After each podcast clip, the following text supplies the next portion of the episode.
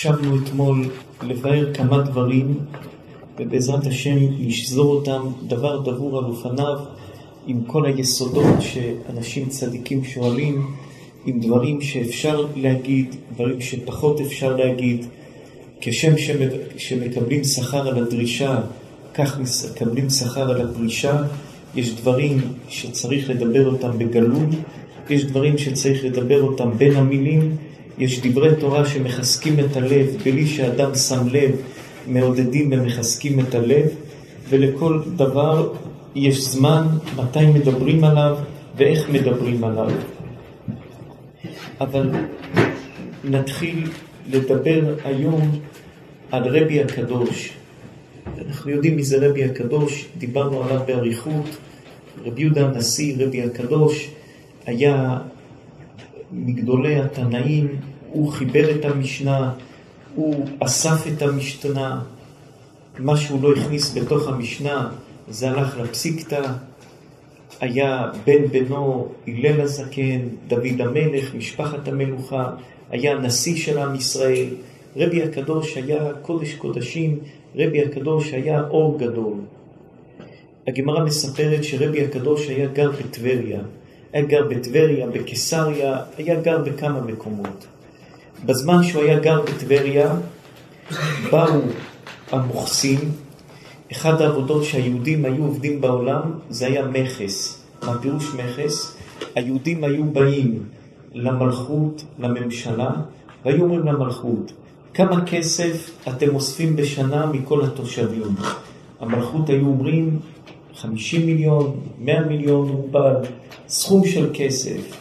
היהודים היו אומרים למלכות, תיקחו 50 מיליון, תיקחו 100 מיליון, תעזרו לנו, אנחנו נלך לגבות את הכסף. והיהודים היו הולכים לגבות את הכסף של המיסים שהמדינה, אנשים היו חייבים למדינה. וזה אחד הדברים שגרם אנטישמיות ושנאה ודברים קשים על היהודים, כי היו רואים את היהודים בתור המוכסים. וכך היהודים גם היו עובדים בללוות כספים, היו מלווים בריבית. גם זה היה גורם שנאה גדולה ליהודים. אז הגמרא אומרת בטבריה, מישהו מחפש את הגמרא הזאת, בטבריה הלכו ושמו מיסים כבדים וקשים, הכפילו את המיסים על היהודים. אמרו בטבריה עד היום היו משלמים 30-40 אחוז מיסים למלך, מהיום משלמים בטבריה 80 אחוז מיסים למלך. הדבר היה כבד מאוד לתושבים. באו לרבי הקדוש, רבי יהודה הנשיא, רבי יהודה שהיה גם רב, הגמרא אומרת מימות משה רבנו לא מצאנו אדם שזכה גם לגדולה וגם לתורה במקום אחד כמו רבי הקדוש, רבי הקדוש זכה גם לגדולה וגם לתורה במקום אחד. באו לרבי הקדוש ואמרו לרבי הקדוש, רבנו הגדול, יש פה מיסים כבדים מאוד, אנחנו לא יכולים לעמוד בהם, זה הרבה כסף, וזה מתחלק על התושבים וזה קשה מאוד. בבקשה, את המיסים האלו, תשים אותם ותטיל אותם גם על התלמידי חכמים. הרמב"ם אומר שתלמידי חכמים לא צריכים לשלם מיסים, כי תורתם אומנותם, הם יושבים ולומדים תורה ומגינים על העיר.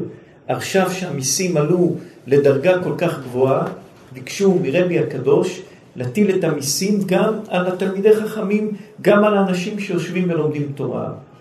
אמר להם רבי הקדוש, לא. תלמידי חכמים לא ישלמו מיסים. אמרו אנשי טבריה לרבי הקדוש, אם התלמידי חכמים לא ישלמו מיסים, כולנו נעזוב את טבריה, לא נגור יותר בטבריה. אמר להם רבי, תלכו, תעזבו את טבריה, תלכו.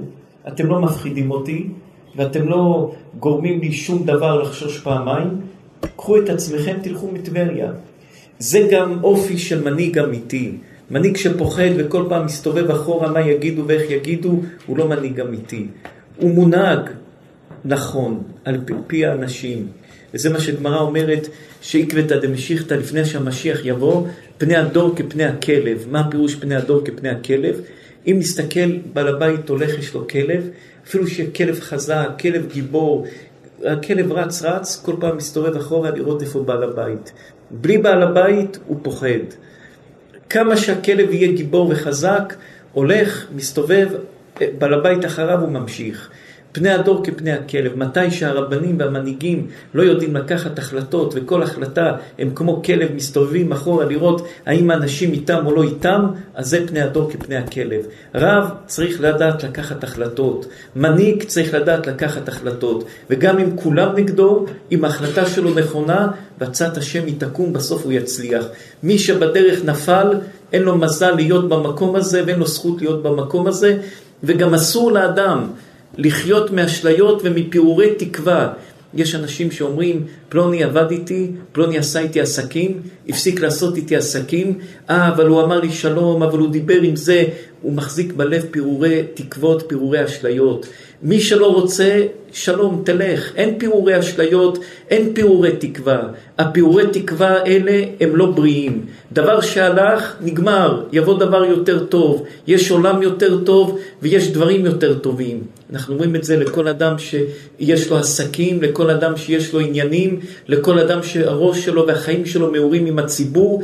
אסור לאדם אף פעם לתפוס את הנפש שלו, אה, הוא שלח לי הודעה, אולי הוא כן מתכוון, הוא שלח לך הודעה כמשעמם, לא רוצה לראות מה איתך.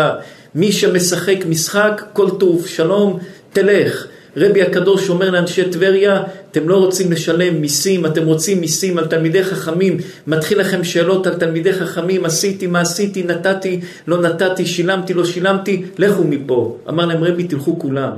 אומרת הגמרא, חצי מיושבי טבריה עזבו את טבריה. חצי מהיהודים של טבריה אמרו לא מתאים לנו ההתנהלות של רבי, הוא קשה מדי, הוא תקיף מדי, זה, יש עשר תלמידי חכמים, עשרים רבנים, אז שישלמו קצת מיסים. רבי הקדוש אמר כלום, תלכו, הלכו חצי מיושבי טבריה. היה רעש גדול בעיר, התקיפות של רבי הקדוש הביאה שחצי מהיהודים שגרים בטבריה עזבו את טבריה, וטבריה זה היה עיר של קודש, עיר של תורה, עיר של מצוות, תנאים גדולים, אנשים גדולים, רבי מאיר בעל הנס בטבריה, קדושי עליון בטבריה, אמר להם רבי, תלכו, תסתלקו כולם מפה, לכו לצפת, לכו לאיפה שאתם רוצים תלכו. פה אתם לא תכניעו אותי, זה הדעת שלי, ככה אני חושב, כולם חושבים הפוך, כולכם תלכו מפה. חצי מיושבי טבריה עזבו. אומרת הגמרא, חזרו הממשלה ואמרו אנחנו מכניסים קצת מהמיסים, זה לא טוב, אז על החצי מתושבי טבריה שנשארו, אנחנו מחייבים אותם לשלם כפול כמו אלה שהלכו. באו כל התושבים של טבריה שפתאום חצי נפל עליהם, שלם את כל מה שאלה שעזבו גם היו משלמים. באו לרבי הקדוש ואמרו לו, רבנו הגדול, קשה לנו. עד עכשיו זה היה מתחלק נאמר מיליון דולר כלפי עשר אלף משפחות בשנה. וגם זה היה קשה. עכשיו מיליון דולר מתחלק כלפי חמש אלף משפחות, זה קשה לנו, לפחות תכניס בפנים את התלמידי חכמים. אמר להם רבי הקדוש, תלכו גם אתם מטבריה. אני לא חוזר בי בכלום, אני נשאר בי בדעתי. ותלמיד חכם שמשחק והולך בזיגזג יום כן יום לא, זה לא דרך, לכו גם אתם. רבי הקדוש יישאר הרב של טבריה, בלי אנשים, הלכו כולם מטבריה. הגמרא אומרת, כולם עזבו את טבריה, לא נשאר אף יהודי בטבריה. נשאר אדם אחד, כובס. אדם שהעבודה שלו הייתה כובס, מכבס בגדים. הוא נשאר בטבריה. כל היהודים שהיו גרים בטבריה בזמן של רבי הקדוש, שזה היה כמות עצומה, אנחנו לא יודעים את הכמות שהייתה, אבל ודאי איפה שרבי שכתב את המשנה, ורבי היה נשיא של עם ישראל, הנשיא הרי כל המשכן של היהודים היה בצפון, בגליל. ירושלים הייתה חרבה, ירושלים הייתה ריקה. היה מקום גדול שהיהודים היו גרים בו, זה היה אלכסנדריה במצרים. באלכסנדריה גרו המון המון יהודים. כתוב שמתי שנבוכדנצר החריב את בית המקדש, בית ראשון, 90% מהיהודים הלכו לבבל, ושם היה יחזקאל הנביא, ועוד 10% הלכו למצרים, ושם היה ירמיה הנביא. ירמיה הנביא ירד למצרים, וגם ירמיה הנביא קבור במצרים.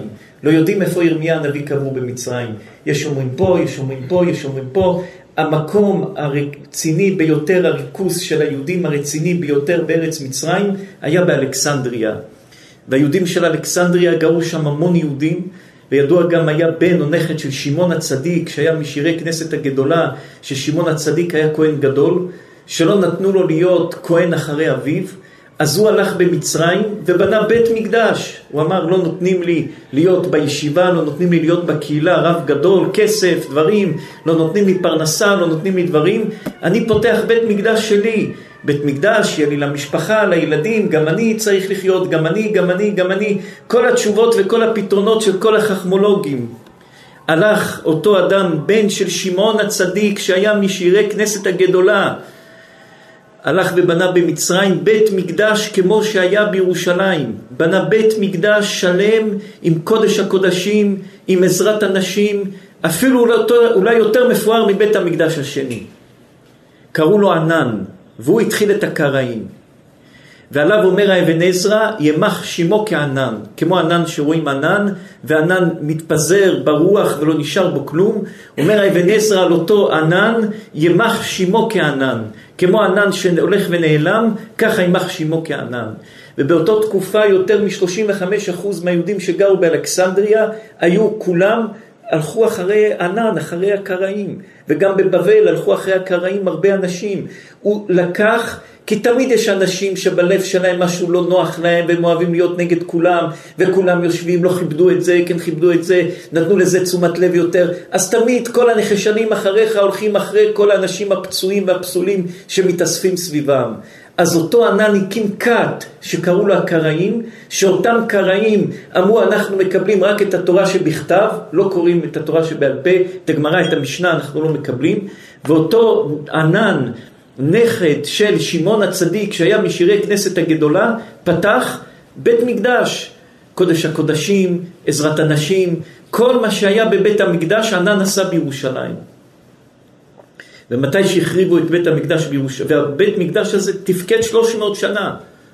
אנשים היו מקריבים קורבנות, ובאלכסנדריה היה קהילה עשירה גדולה, ואותה קהילה גם היא תמכה יותר מכולם בשבתאי צבי. ואותו קהילה נתנה לשבתאי צבי את רוב הכסף. אותו קהילה הייתה קהילה מאוד משכילה, מאוד חכמה. הם היו עוסקים במיסים, היו עוסקים בבנקאות, היו עוסקים בכל העסקים, והיה תקופה שכל אדם שמיני במצרים היה יהודי. ואז שואלים, הרי הקדוש ברוך הוא אמר בתורה, אה, לא תראו פניי יותר, לא תראו, לא תראו פני מצרים יותר, אז ידוע הרמב"ם, יש מסורת שהרמב"ם היה חותם משה בן מימון, שעובר בכל יום על שלושה לאווים, ככה הרמב"ם היה חותם. משה בן מימון, הרמב"ם, שהיה עובר בכל יום שלושה לאווים, ככה החתימה שלו הייתה. כי כתוב בתורה שלוש פעמים, לא תראו את מצרים עד עולם, וכביכול לא היה גר במצרים. והרמב"ם היה הרופא של המלך, הרופא של המשפחה של המלך, הבן שלו רבי אברהם, אללה היה הנגיד של היהודים במצרים, והנכד שלו רבי דוד, גם אחרי כן גם היה הנגיד של היהודים במצרים. אחרי 200 שנה שכבר התחיל במצרים, היה תקופה שהיה הפורטוגנים, זה היה אנשים שכל עבודה זרה שאתה רוצה בעולם תעבוד. לכוכבים, לאלילים, כל עוד שזה היה הם, עוד הסתדרו איתם. אחרי כן שבאו הנוצרים, הנוצרים היו עושים מסעי צלב, היה קשה מאוד. ואחרי כן שבאו המוסלמים, בהתחלה שיעים, הם שלטו על מצרים, ואחר כך הסונים שלטו על מצרים. זו הייתה תקופה שיעים, תקופה הסונים. באסלאם יש, מחולק לכמה חלקים. יש 70 אחוז זה סונים, שאיתם אפשר עוד לדבר, ויש 30 אחוז זה שיעים, זה איראן, חיזבאללה, זה כל השיעים. ויש עוד כמה דברים שהם לא כל כך גדולים בתוך האסלאם. אז בתקופה בארץ מצרים היה תקופות כאלה, היה תקופות כאלה, מתי שהמשפחה של הרמב"ם ראו שהדברים קשים מאוד, הם הלכו ממצרים וברחו לספרד, ברחו למקומות אחרים. הרמב"ם נולד במצרים, בקורדובה, והרמב"ם ברח למרוקו, להרי אטלס. במרוקו, בהרי אטלס, שם הוא כתב את הפירוש על המשנה, ואחרי כן התגלגל ממקום למקום עד שהגיע למצרים ושם שם את משכנו, ושם היה במצרים. וכל מה שהיה במצרים, כל המלחמות, אחר כך היוונים היו, היוונים היו חכמים מאוד. אלכסנדר מוקדון פתח את העיר אלכסנדריה על שמו, על שם אלכסנדר מוקדון. והוא הנחיל שם את התרבות היוונית, את השכל היווני. היוונים הם זרעו בעולם חוכמה גדולה.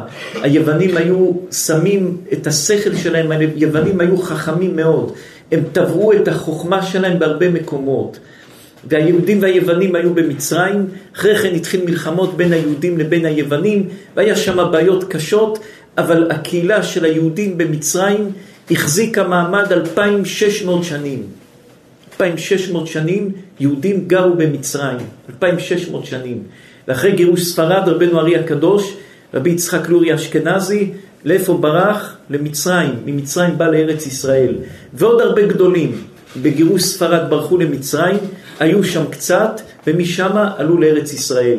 רבי סעדיה גאון, רבי סעדיה גאון היה גאונים, איפה רבי סעדיה גאון נולד? במצרים. הוא כותב על עצמו סעדיה מן פוי, פוי זה שם במצרים, פאווי, פיווי ופאווי, סעדיה אשר משכנו בפאווי ובפוי במצרים. אז גם רבי סעדיה גאון תקופה גדולה מהחיים שלו היה במצרים.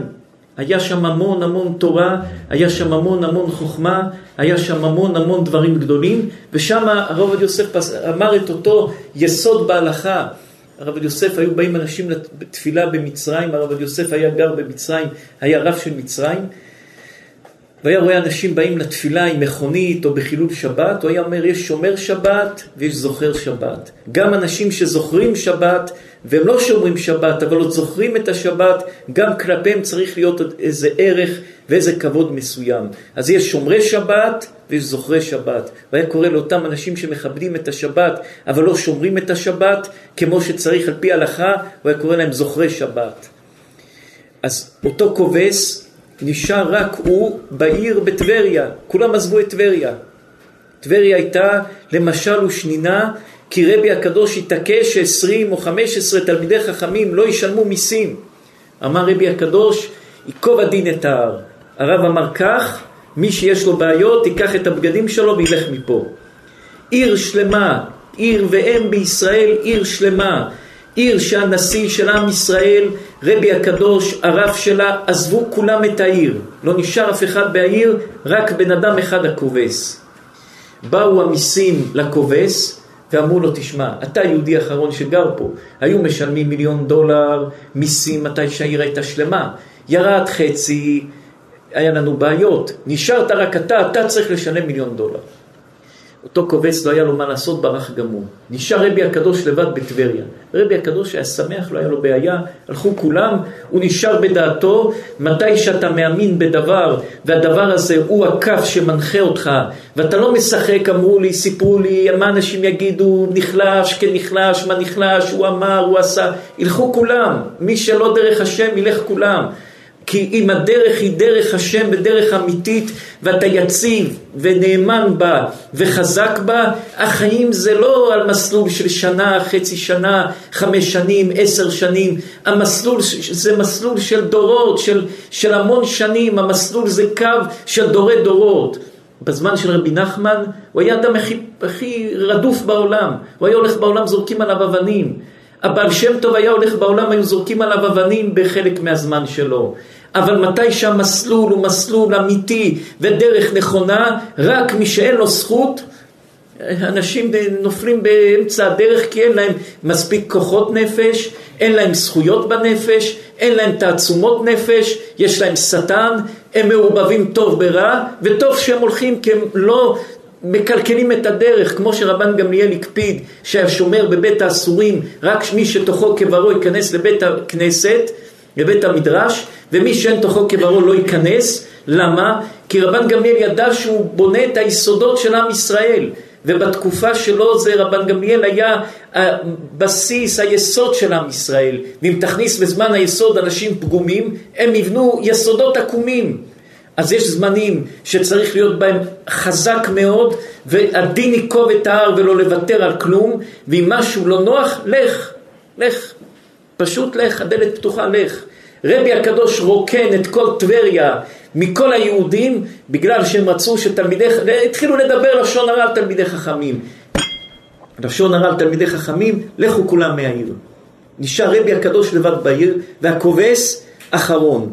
מתי שבאו אליו עם כל התשלומים של המיסים של כולם, אותו כובס נכנע, יצא גם הוא מהעיר. מצאתם הגמרא רבי שמעון?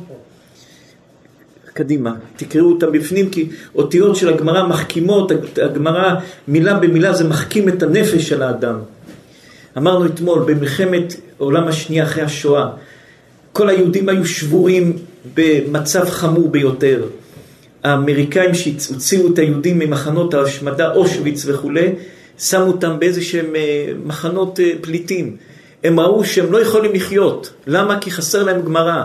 הצבא האמריקאי הדפיס גמרות למחנות שאנשים שם ישבו מחנות פליטים, הדפיס להם גמרות, שיהיה להם גמרות ללמוד. במקום להכין פצצות, במקום להכין מטוסים, הדפיסו לניצולים גמרות, כי הבינו כי גמרא זה כמו אוכל, או יותר מאוכל של אותם אנשים. גמרא זה עולם, מתי שאדם לומד גמרא, מתי שאדם קורא גמרא, לומד גמרא, אותיות מחכימות, הגמרא מרימה את האדם למקום גבוה מאוד, ועוד מעט נראה מה אותו כובס הכוח של הגמרא עשתה אצלו. כן, רבי שמעון? בקול, בקול רבי שמעון. דמי כלילה השתנו על טבריה. הכסף לעשיית העטרה החדשה שהטילו על טבריה. מיסים, מיסים ששמו על טבריה. עטו לקמל דרבי ואמרו ליטבו רבנן בעדן. באו לרבי ואמרו לו, גם הרבנים תשלמו מיסים, למה הרבנים לא משלמים מיסים? אמר להו לא. רבי אמר להם לא, רבנים, תלמידי חכמים לא משלמים מיסים. אמרו לו ערוקינן. אמרו לו אותם תלמידי חכמים, אם לא נשלם, אמרו לו אותם אנשים, אם הרבנים לא ישלמו, אנחנו בורחים מהעיר. אמר להם רבי, קמן, לכו מפה. ארקו פלגיון, ברחו חצי מהיהודים בטבריה. דליוה פרגה. נשארו חצי יהודים. זה תמיד אנחנו אומרים, שאומרים לנו בישיבה, פלוני נפגע, פלוני אמר, קמן, לך, מהר, ת, ת, תזרזו אותו. אם לא הולך מהר, תדחפו אותו מהר שילך. עטו אנא פלגה קמא דרבי. אמרו לו, רבנן באו החצי השני לרבי ואמרו לו, מה נעשה? ליטבי רבנן בעדן. אמר להם, לכו כולם, לכו. אמר להו, לא, אמרו לו, ארוכו, ארקו כולו. אמרו לו, נברח, אמר להם, תברחו כולם. ופש ההוא כובס.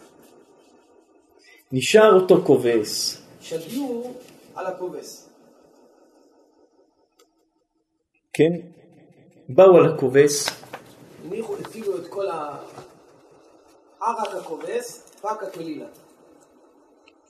בסופו של דבר הכובס ברח, איך שהכובס ברח, נס, ניסי ניסים, הורידו את המיסים מכל עם ישראל. אז משמע שמה? משמע שכל המיסים שהיו בגלל אנשים, כל הבעיות שקרו זה בגלל אנשים.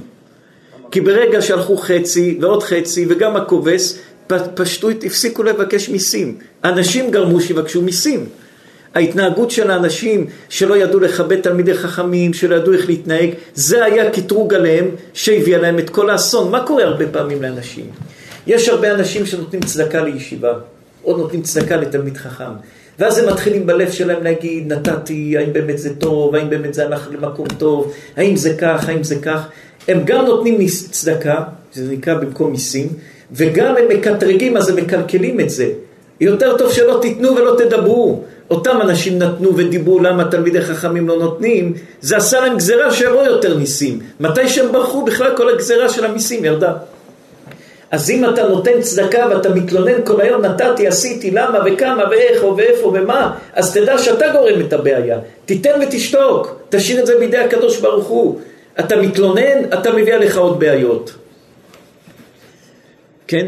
אמר רבי ראיתם שאין פורענות באה לעולם אלא בשביל המאה. רבי הקדוש היה לו בעיה קשה עם עמי ארצות. מה רבי הקדוש אומר? ראיתם שאין פורענות באה לעולם אלא בשביל עמי ארצות. וכבר דיברנו לפני ארבעה חודשים מה זה עם הארץ. הגמרא נתנו שיעור במרוקו, שיעור ארוך, מה זה עם הארץ, מה הגדר של עם הארץ. אנחנו רואים שהיה שנאה קשה בין תלמידי חכמים לבין עמי ארצות. נתנו על זה שיעור ארוך, מה הכובד שאנחנו רואים את המחלוקת בין תלמידי חכמים לבין עמי ארצות, היה שם מחלוקת קשה ביותר. אז רבי היה לו קו בכל החיים, תראו מה עמי ארצות עושים. שכל המיסים וכל הבעיות שקרו בעיר עמי ארצות, הלכו כולם לגמר המיסים. זה גמרא אחת. יש גמרא בנדרים, גמרא שנייה, שהגמרא מספרת על תלמיד חכם שחלה, ומהכובד של החולי הוא מתחיל לאבד את דעתו. מהכובד של החולי מהכובד של החולי התלמיד חכם מתחיל לשכוח דברים. ואז הגמרא מספרת על רבי יוסי, רבי יוסף, שאתמול דיברנו על רבי יוסף, שהוא היה בעל פלוגתא של רבי רבא בר נחמני, שעל רבי יוסי כתוב שהיה סיני, רבא בר נחמני היה כתוב שהוא עוקר ערים. הגמרא מספרת על רבי יוסי שהוא התחיל לשכוח מהגמרות שלו, התחיל לשכוח מתלמודו. הגמרא אומרת שאביי ורבא היו תלמידים שלו, הם לא היו רוצים להגיד לו רבי שכחת. אז מתי שהיו רואים שהוא שוכח איזה אמרה בגמרא, הם היו באים ואומרים לו, רב, רב, רבי יוסף, לימדתנו כך וכך וכך וכך. ואז הוא היה נזכר והיה אומר להם כן. לא אדם שכח ובאים ואומרים לו, כן, אני זוכר, אתה לא זוכר, הנה כך וכך. היו אומרים לו, לא, רבי, לימדתנו כך וכך, ואז הוא היה נזכר. ואז הגמרא מספרת ואומרת שמתי שרבי הקדוש היה חולה, רבי הקדוש שכח מהתורות שהוא לימד את רבי חייא. רבי ורבי חייא היה ביניהם הרבה הרבה, הם היו חברים, רבי היה הנשיא, אבל היה ביניהם הרבה מתיחות בתורה. כמו שהגמרא מספרת שאליהו הנביא היה בא כל ראש חודש לישיבה, היה בא לישיבה להתפלל עם רבי הקדוש, באחד הימים הוא לא בא, ראש חודש, שאל אותו אליהו הנביא למה לא באת? אז הוא אמר לו, אני הולך למערת המכפלה ואני משכיב את אברהם, מקים אותו, מטיל, נותן לו ידיים, אחר כך את יצחק, אחר כך את יעקב, שאל אותו למה אתה לא מקים את כולם ביחד? אמר לו, אם כולם יהיו ביחד יבוא המשיח. שאל רבי הקדוש את אליהו הנביא, האם יש בדור הזה מישהו שגם יכול להביא ככה את המשיח? אמרו לו כן. אמר לו רבי הקדוש לאליהו הנביא מי? אמר לו אם רבי חייא ובניו, בניו זה שתי הבנים שלו יהודה וחזקיה, לרבי חייא היה שתי בנים, לאחד קראו יהודה ולאחד קראו חזקיה. אם רבי חייא והבנים שלו יעברו לפני התיבה ויהיו חזנים, יבוא המשיח. מה עשה רבי? קבע תענית. רבי הקדוש קבע תענית, אמר מחר יום זה וזה תענית. כל עם ישראל התאספו, כמו שעושים בתענית, מוציאים את התיבה מחוץ להיכל, קבע תענית, ואת מי הוא נתן להיות חזן? לרבי חייא ובניו.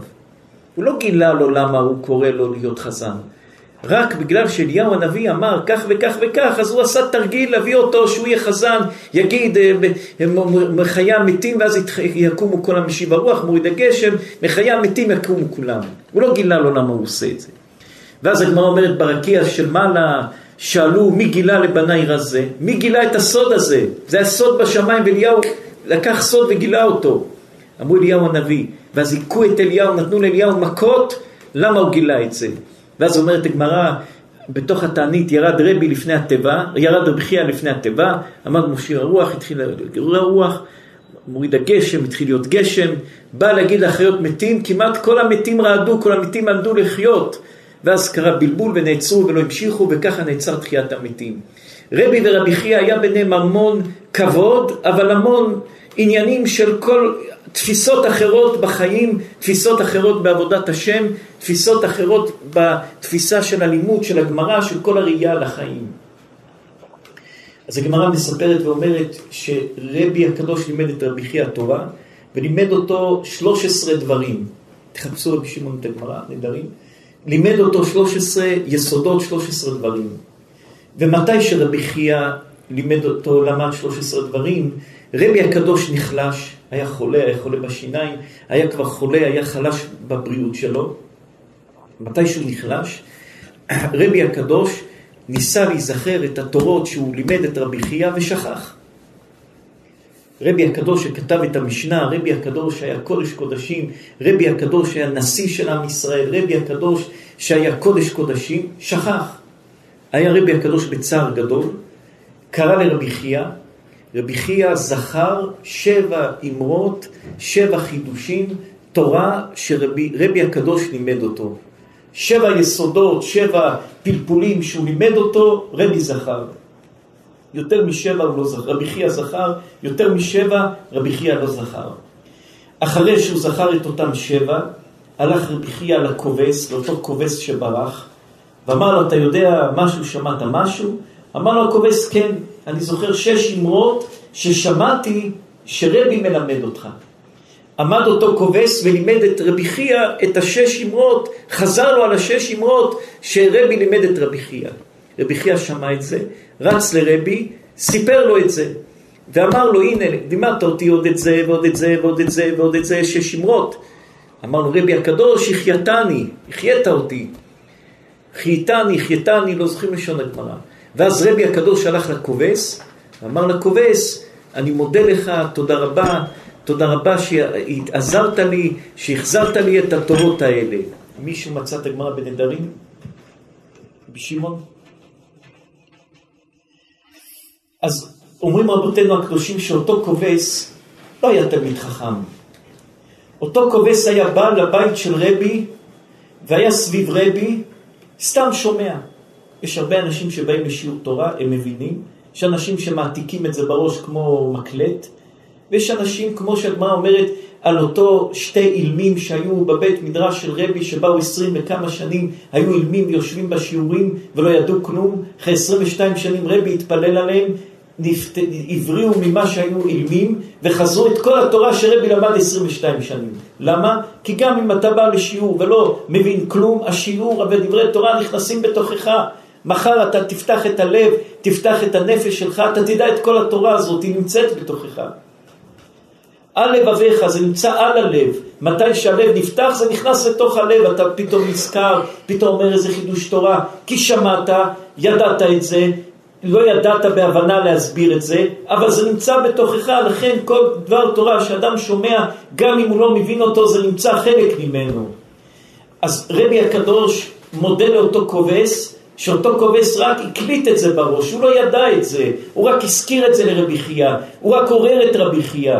ורבי הקדוש שמח בזה שמחה גדולה, ואומר לרבי חייא, החיית אותי, והולך רבי הקדוש להוקיר טובה לאותו כובס, שאותו כובס הזכיר את השש חידושים האלה לרבי חייא, שרבי חייא הזכיר אותם לרבי ורבי היה שמח. עכשיו נבוא ונשאל למה רבי הולך לכובס להגיד לו תודה? תגיד לרבי חייא, הוא אמר לך את זה. הכובס אמר את זה לרבי חייא, ורבי חייא אמר לך את זה. למה אתה אומר לאותו כובס תודה? אז אם נסתכל ב-18, כל התפילות אנחנו נותנים לחזן לברך. מושיב הרוח, מוריד הגשם, אמן, ברוך הוא ברוך שמו, אמן, אמן, ברוך הוא ברוך שמו. עונים אמן. איפה אנחנו עומדים בעצמנו? מודים אנחנו לך. למה?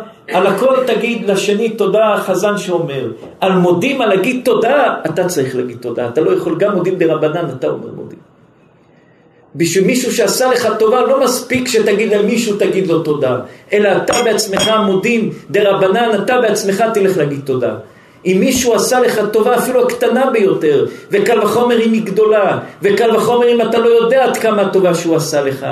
יש אנשים שהיו בסכנות חיים, בסכנות של בעיות, בסכנות קשות ביותר, ואפילו הם לא יודעים שהשני הציל אותם.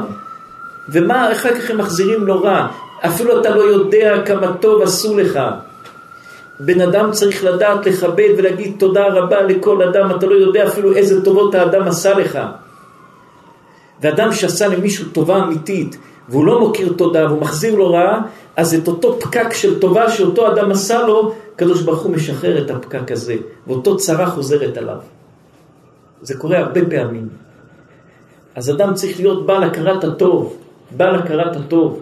אז רבי הקדוש מודה לאותו כובס, שאותו כובס הוא בסך הכל עם הארץ, שאותו כובס הוא לא תלמיד חכם, אבל אותו כובס הוא עם אמונת חכמים חזקה ביותר. נשאר בטבריה גם אם העלו את המיסים כפול, ונשאר בטבריה גם אם העלו את המיסים יותר. ונשאר בטבריה עד שהכל קורס עליו, ששמים עליו מאה אחוז של כל המיסים. ועם כל זה הוא רק עוזב את העיר, אבל הוא לא עוזב את רבי. הוא נשאר להיות סביב רבי, שמתי שרבי בזמן חולשתו וחולה ושוכח את 13 דברי תורה, רבי חייא זוכר שבע ומזכיר לו שבע, הוא בא לרבי חייא ומזכיר לו שש, ורבי אומר לי חיית אותו, אומר לו חיית אותי בשש האלה. רבי שמעון תקראו את הגמרא.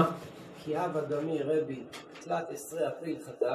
מתי שרבי לימד 13 הלכות. אגמרי לרבי חייא שבעה מיליון. רבי חייא זכר להזכיר לו, הוא שכח 13 חידושים, רבי חייא הזכיר לו שבע ממנם. לסוף חלש רבי. בסוף רבי הקדוש חלש, נהיה חולה. אהדה רבי חייא קמא, אנו שבעה, הפה דאגמרי. רבי חייא החזיר, לימד אותו שבעה שהוא זכר. שיטה, אז דו. שש חידושי תורה נאבדו, נעלמו, שכחו אותם. הווה ההוא קצרה, היה אותו קצר, אותו כובס, גם העבודה שלו, מה זה כובס? לנקות.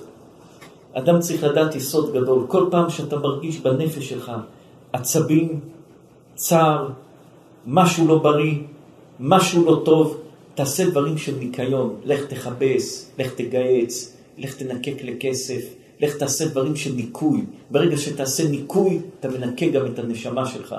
המעשים שאדם עושה, מנקים את הנשמה שלו. אתה עצבני, אתה הולך לצעוק על כולם, אתה נהיה יותר עצבני. אתה עצבני, אתה הולך לנקות כלי כסף, אתה נרגע.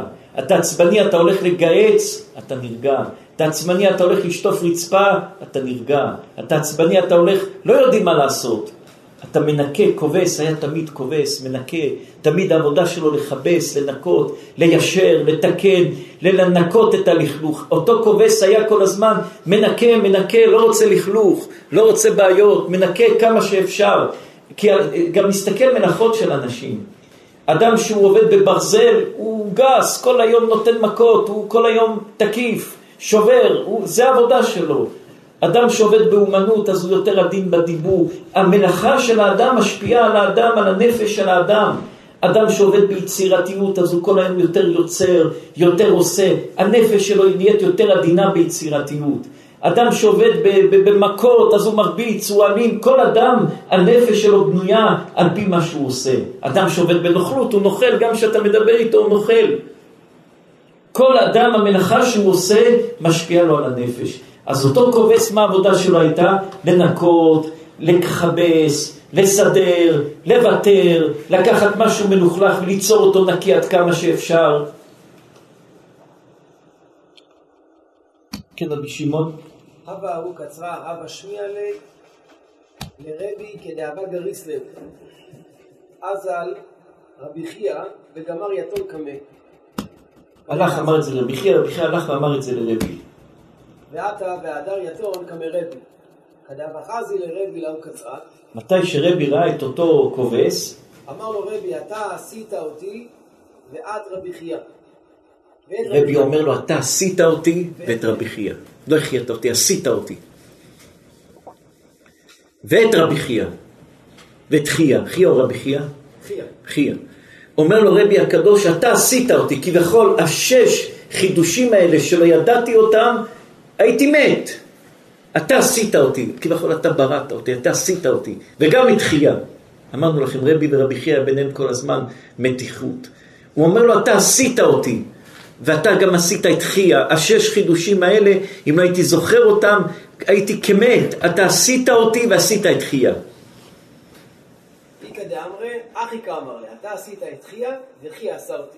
ויש אומרים, ככה הוא אמר לו, אתה עשית את חייא וחייא עשה אותי.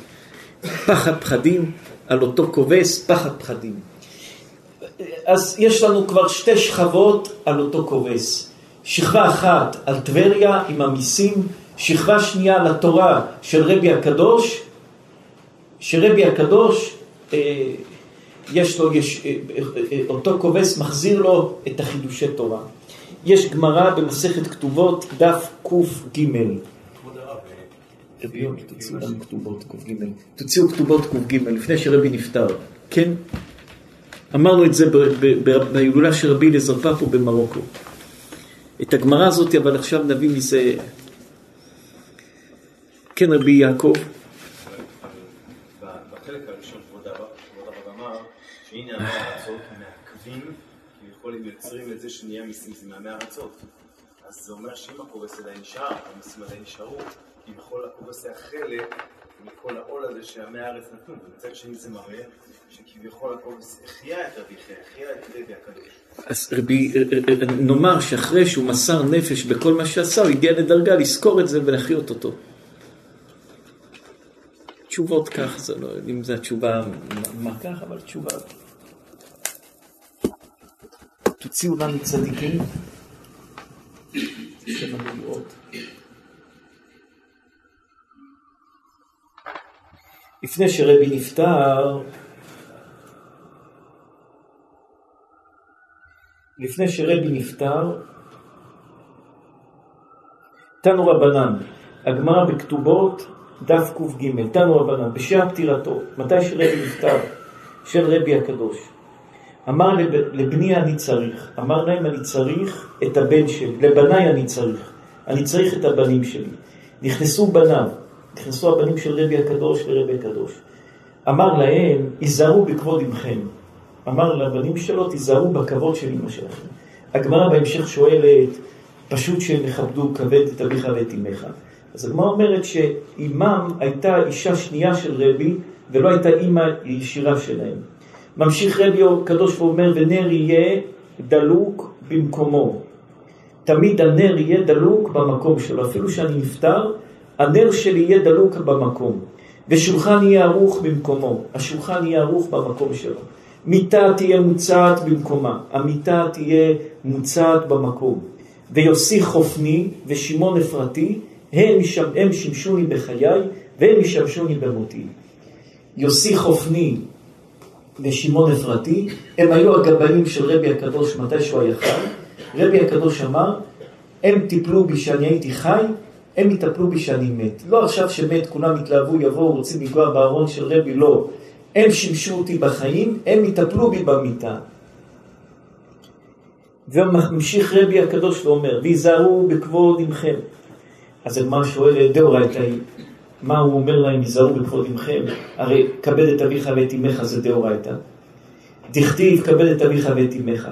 הגמרא אומר, שאת אשת אב, אב, אשת אב נמי דאורייתא. הגמרא אומרת, זו הייתה אשתו של אבא שלו, וגם אשתו של אבא שלו זה גם מצווה דאורייתא, כבד את אביך ואת אמך זה מצווה דאורייתא. הדתניא כבד את אביך ואת אמך, את אביך זה אשת אביך, ואת אמך זה בעל אמך. ו' יתרות לרבות את אחיך הגדול, ומה שיש ו' זה גם לכבד את אחיך הגדול. לכבד את אחיך הגדול זה גם דאורייתא?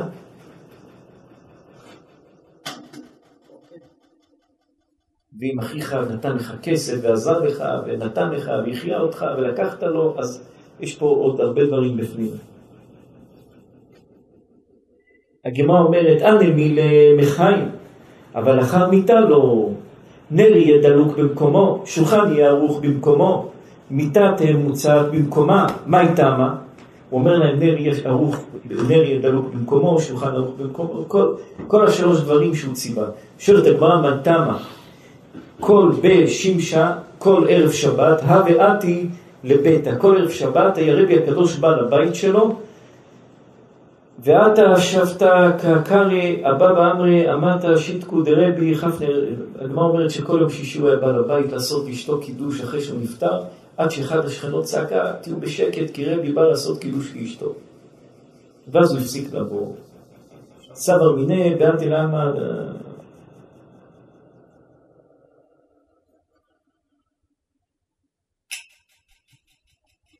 אמר להן לחכמי ישראל, אמר רבי הקדוש לחכמי ישראל, לחכמי ישראל אני צריך, תביאו לי את הרבנים. נכנסו אצלו חכמי ישראל. זה כל הדברים האלה, כמה דקות לפני שרבי, מחבר המשנה הגדול, העצום, הנורא, שהיה נשיא של עם ישראל, תלמיד חכם, הוא איזן את השנאה בין היהודים לבין הרומאים, הוא עשה מה שאף אחד לא עשה. רבי היה גם נשיא, גם חכם וגם אב בית דין. הוא החזיק את כל התפקידים של עם ישראל, בן אדם אחד. אמר להם את חכמי ישראל אני צריך. נכנסו אצלו חכמי ישראל. אמר להם, אל תספידוני בעיירות, אומר להם רבי הקדוש, אל תספידו אותי בעיירות, והושיבו ישיבה לאחר שלושים יום. כי בכל בעיירות קטנות אל תעשו לי הספד אחרי שאני מת. רק בערים הגדולות, באיפה שיש עיר גדולה, ניו יורק, לוס אנג'לס, מיאמי, תעשו שם הספד. מקומות קטנים, אל תעשו שם הספדים. ואחרי שלושים יום שבוכים, אבל, מיד לחזור לישיבות ללמוד. לא לעשות מזה איזה אבל לאומי שכולם יושבים ובוכים שבועות על חודשים על חודשים. מת, חודש בוכים, נגמר, קדימה כולם נמשיך את החיים. ואז הוא מצווה אותם ואומר, שמעון בני חכם, אומר להם הבן שלי ששמעון יהיה חכם. היה שלוש תפקידים בעם ישראל, נשיא, אב בית דין וחכם. רבי היה מחזיק את השלוש תיקים האלה, היה גם נשיא, גם אב בית דין וגם חכם. עכשיו הוא לוקח את השלוש תפקידים ומחלק אותם, מה שעד היום היה רק שלו. הוא אומר, שמעון הבן שלי חכם. מה זה חכם? כל הניהול של הבתי ספר, הניהול של החינוך, הניהול של הקהילה, הניהול של היום יום, של כל מה שיש בקהילה, זה שמעון הבן שלי יעשה. גמליאל בני נשיא. גמליאל הבן שלי זה רבן גמליאל, יהיה הנשיא של עם ישראל. חנניה בר חמה ישב בראש. חנניה בר חמה, אחד התלמידים של רבי, הוא יהיה אב בית דין. אז רבי מחלק את הדברים, מה שהוא החזיק שלוש תיקים, מחלק את זה לשמעון, גמלי, רבן גמליאל וחנניה בן חמה, רבי חנניה בן חמה, הוא יהיה אב בית דין. הגמרא שואלת על תספידוני בעיירות, סבר מיני משום טרחה, עד דקאמר בהלאה, זה, זה לא לענייננו. הגמרא אומרת,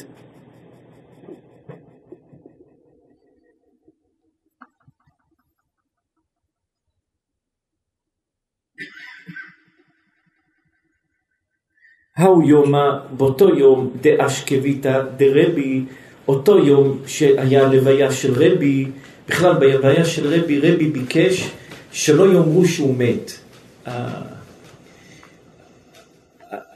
השיטה מקובצת, אומר, השיטה מקובצת זה היה רב, רבי בצלאל אשכנזי, שהיה גר במצרים, גם הוא היה גר במצרים. והוא היה ממגורשי ספרד, רבי בצלאל אשכנזי. בניר, אולי אתם נכדים שלו. אתם ממצרים? מאיפה? ברחו למצרים, ממצרים. אז השיטה אה, אה, מקובצת לקח את כל הראשונים הספרדים שהיו בספרד וקיבץ אותם בתוך השיטה המקובצת. אין בית מדרש שלא לומדים בו שיטה מקובצת. השיטה המקובצת אומר שמתי שרבי נפטר, אמרו מי שיגיד שרבי מת, יהרגו אותו. למה? כי רבי אמר, גם אם אני אמות וכולם יחשבו שאני עוד חי ויתפללו, אני אקום לתחייה. עד כדי כך הוא האמין בתפילה. הוא אמר, אם יגידו רבי מת, יפסיקו להתפלל. גם אם ימות, אמר שעוד יתפללו, אולי אני אקום. כך אומר השיטה המקובצת. אז באותו יום שרבי נפטר, בלוויה שלו, נפקא בת קולה, יצאה בת קול ואמרה, כל דעה ובהשכבה דרבי, כל מי שהיה בלוויה של רבי. רבי נפטר ביום שישי לפני כניסת שבת, ואומרים שהיה שם נס גדול, שהשמש לא שקע, הגמרא מספרת את זה במקום אחר. כל, יצא בת קול ואמרה, כל מי שהיה בלוויה של רבי, מזומן לחיי העולם הבא. כל מי שהיה בלוויה של רבי, בת קול, זה גמרא, זה לא סיפורים, זה גמרא. הגמרא אומרת, כל מי שהיה בלוויה של רבי יצא בת קול ואמרה, מקובל לחיי העולם הבא. ההוא כובס, אותו כובס ידוע שאנחנו מכירים אותו מכל הסיפורים הקודמים שיש לנו איתו. כל יומא הווה קמא ההוא, כל היום, כל יום, אפילו שהוא לא היה תלמיד חכם. הוא היה גומר את העבודה, בא לבית של רבי, יושב, יושב בכיסא. יושב, לא עושה כלום. מחכה, מביא לרבי כוס תה, מביא לרבי כוס קפה, מה צריך, יושב בבית מדרש. כל הזמן היה סביב רבי. לא משנה שהוא לא תלמיד חכם והוא כובס והוא אדם פשוט והעבודה שלו זה רק לכבס בגדים, אבל הוא היה בתמימות ואמונה קשור לרבי, אמונה טהורה, אמונה תמימה, בלי שאלות, גם שזה עלה לו בכסף, לברוח מהעיר, להפסיד מיסים, לעשות הכל, הוא נשאר תמים, תמים, תמים עם רבי תמימות גדולה. ואותו יום, הלוויה של רבי, שכל העולם היה בלוויה של רבי, אותו קובץ מסכן לא בא ללוויה. לא שמע שרבי נפטר, לא בא ללוויה. ומה יותר מכך הוא שומע? שיצאה בת קול ואמרה שמי שהיה בלוויה של רבי מקובל לחיי עולם הבא, והוא עכשיו לא היה. כל החיים שלו דבוק ברבי, כל החיים שלו רוצה את רבי, כל החיים שלו רוצה להיות ליד רבי, כל החיים שלו סביב רבי, והדבר העיקרי והמקום העיקרי הוא לא ליד רבי, הלוויה של רבי הוא לא ליד רבי. מה עשה אותו כובס? לא אתה, כיוון דשמע, כיוון שהוא שמע, הכי סליק לאיגרא, עלה למקום גבוה ונפה לערה ומת. לא נגיד חס ושלום להתאבד, כי אסור להתאבד, זו עבודה, עבירה קשה ביותר. אבל עמד במקום גבוה ואולי קיבל סחחורת ונפל ומת. יצא בת קול ואמרה, אף הוא כובס מזומן לחיי העולם הבא. יצא בת כל שנייה ואמרה, גם אותו כובס מקובל לחיי עולם הבא. אנחנו רואים אותו כובס שלוש שכבות של סיפורים, שלוש שכבות של דברים שיש עליהם עולם ומלואו של מוסר על תמימות, קודם כל על הנהגה של רבי. נהג מורה בגדולים, כי בכל אל תפחד מאנשים גדולים. אתם רוצים ללכת לכו כולם. לעמוד איתן, תלמיד חכם שלא נוקם ונותן כנחה שאינו תלמיד חכם. לעמוד איתן על דעתו. הכל יתפרק, כולם ילכו, ילכו כולם. דעתו של רבי. דעתו של רבי לדעת להיות מנהיג כמו שצריך. ולדעת לשמור על התלמידי חכמים בכל משמר. דעתו של רבי חזקה ואהבת התורה אצל רבי כל כך גדולה, שאם הוא שוכח משהו מהתורה, אז הוא אומר, החיית אותי, עשית אותי. אם לא היית מזכיר לי את התורה הזאת, אני נחשב כמת. עשית אותי, החיית אותי, קיימת אותי, בנית אותי, עשית אותי. ואותו כובס עם התמימות שהולך הכל שזור עם רבי הקדוש, וכל הקשר שלו עם רבי, זה לא קשר של תורה. הכובס הזה לא הבין מה שרבי מדבר. הכובס הזה היה אשרי יושבי ביתך עוד ילנוך סלע, הוא היה תמים שרק יושב, שומע את השיעורים של רבי, לא מבין אותם, לא יודע מה הוא אומר, רק ממלא כיסא. אותו כיסא שהוא ממלא זכר להגיד לרבי חייא לחיות את רבי, אותו המשך שבא לשיעורים של רבי, גם לא לשיעורים, רבי כבר היה זקן, חולה, אבל הוא בא כל היום לשבת ליד רבי, יש לו זמן מיותר, בא לשבת בבית של רבי. מה יצא מזה? כלום, אבל הוא ליד רבי. אז הקשר שלו לא קשר של תורה לרבי, הוא קשר של אמונה, של תמימות, של ללכת אחרי הרב בתמימות, בלי שאלות, ללכת אחרי הרב באמונה, בעיניים סגורות, ללכת אחרי הרב בכל הכוח. ומתי שהוא מבין שרבי מת והוא לא היה בלוויה, אין לו יותר חיים, הוא איבד את הקשר של החיות.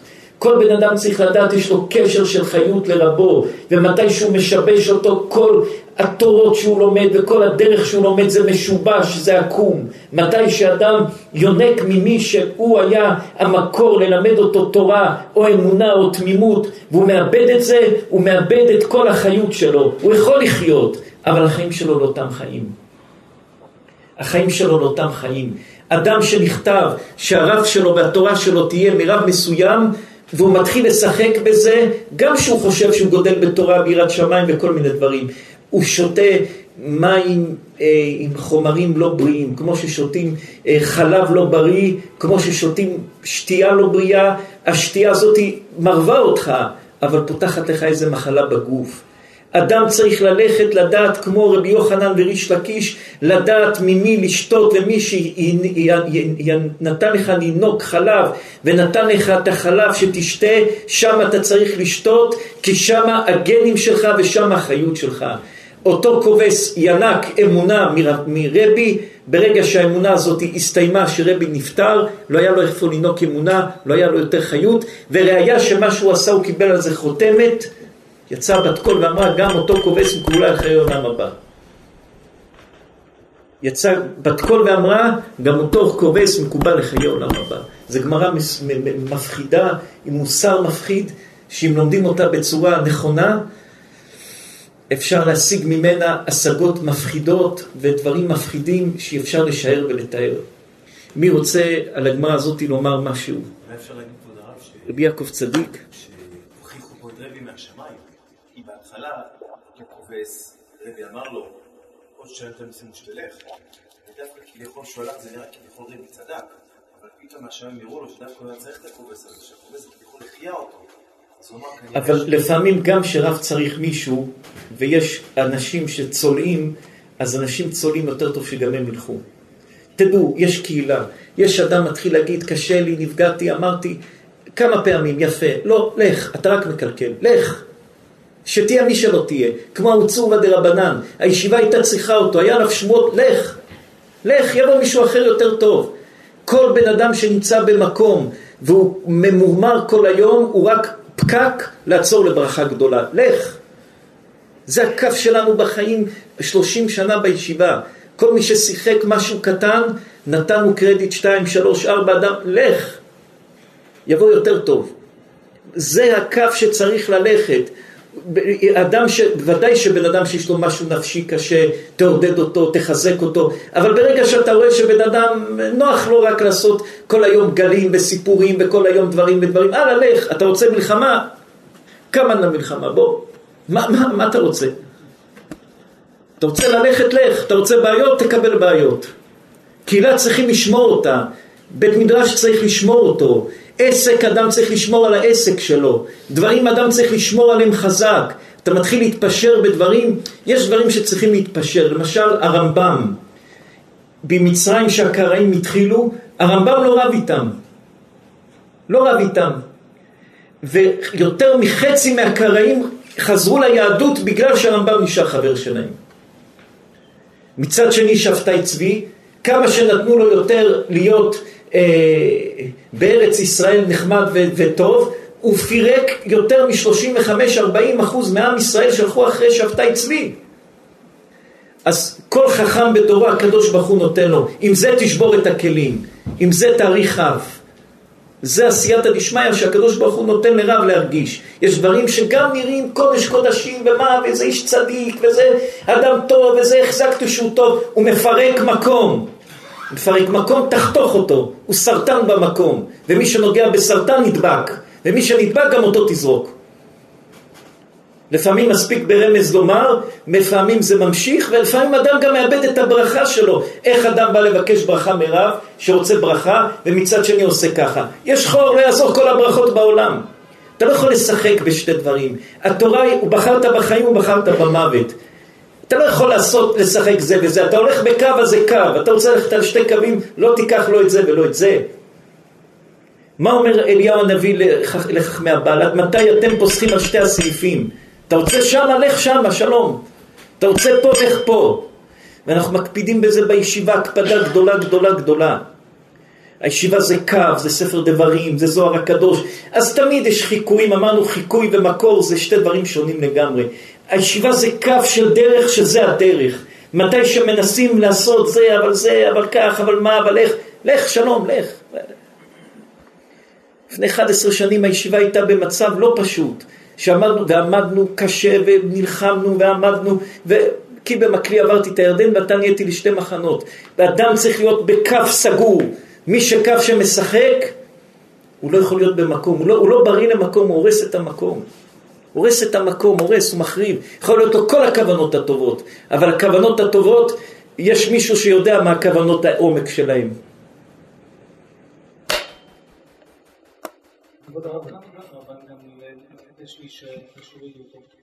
לא נותנים לנו אחרי שאתה שם באופק במדרש, לא נותנים לנו איך שאתה מדבר על רבי יהושע, שגם הוא ילך, אמרו לו מפורש לך.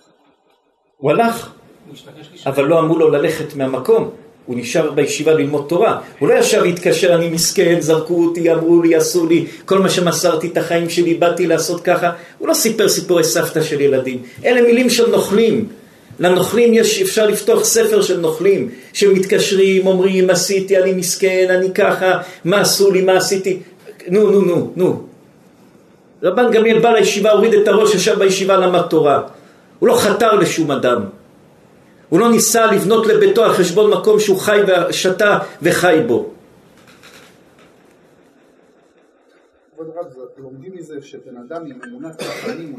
אמונת חכמים ויאמינו בשם ומשה עבדו. רבי בן ציון, אתה לא יכול לקום היום להאמין באלוקים, מחר להאמין בביטקון. היום להאמין באלוקים, מחר להאמין באיזה בודה חס ושלום.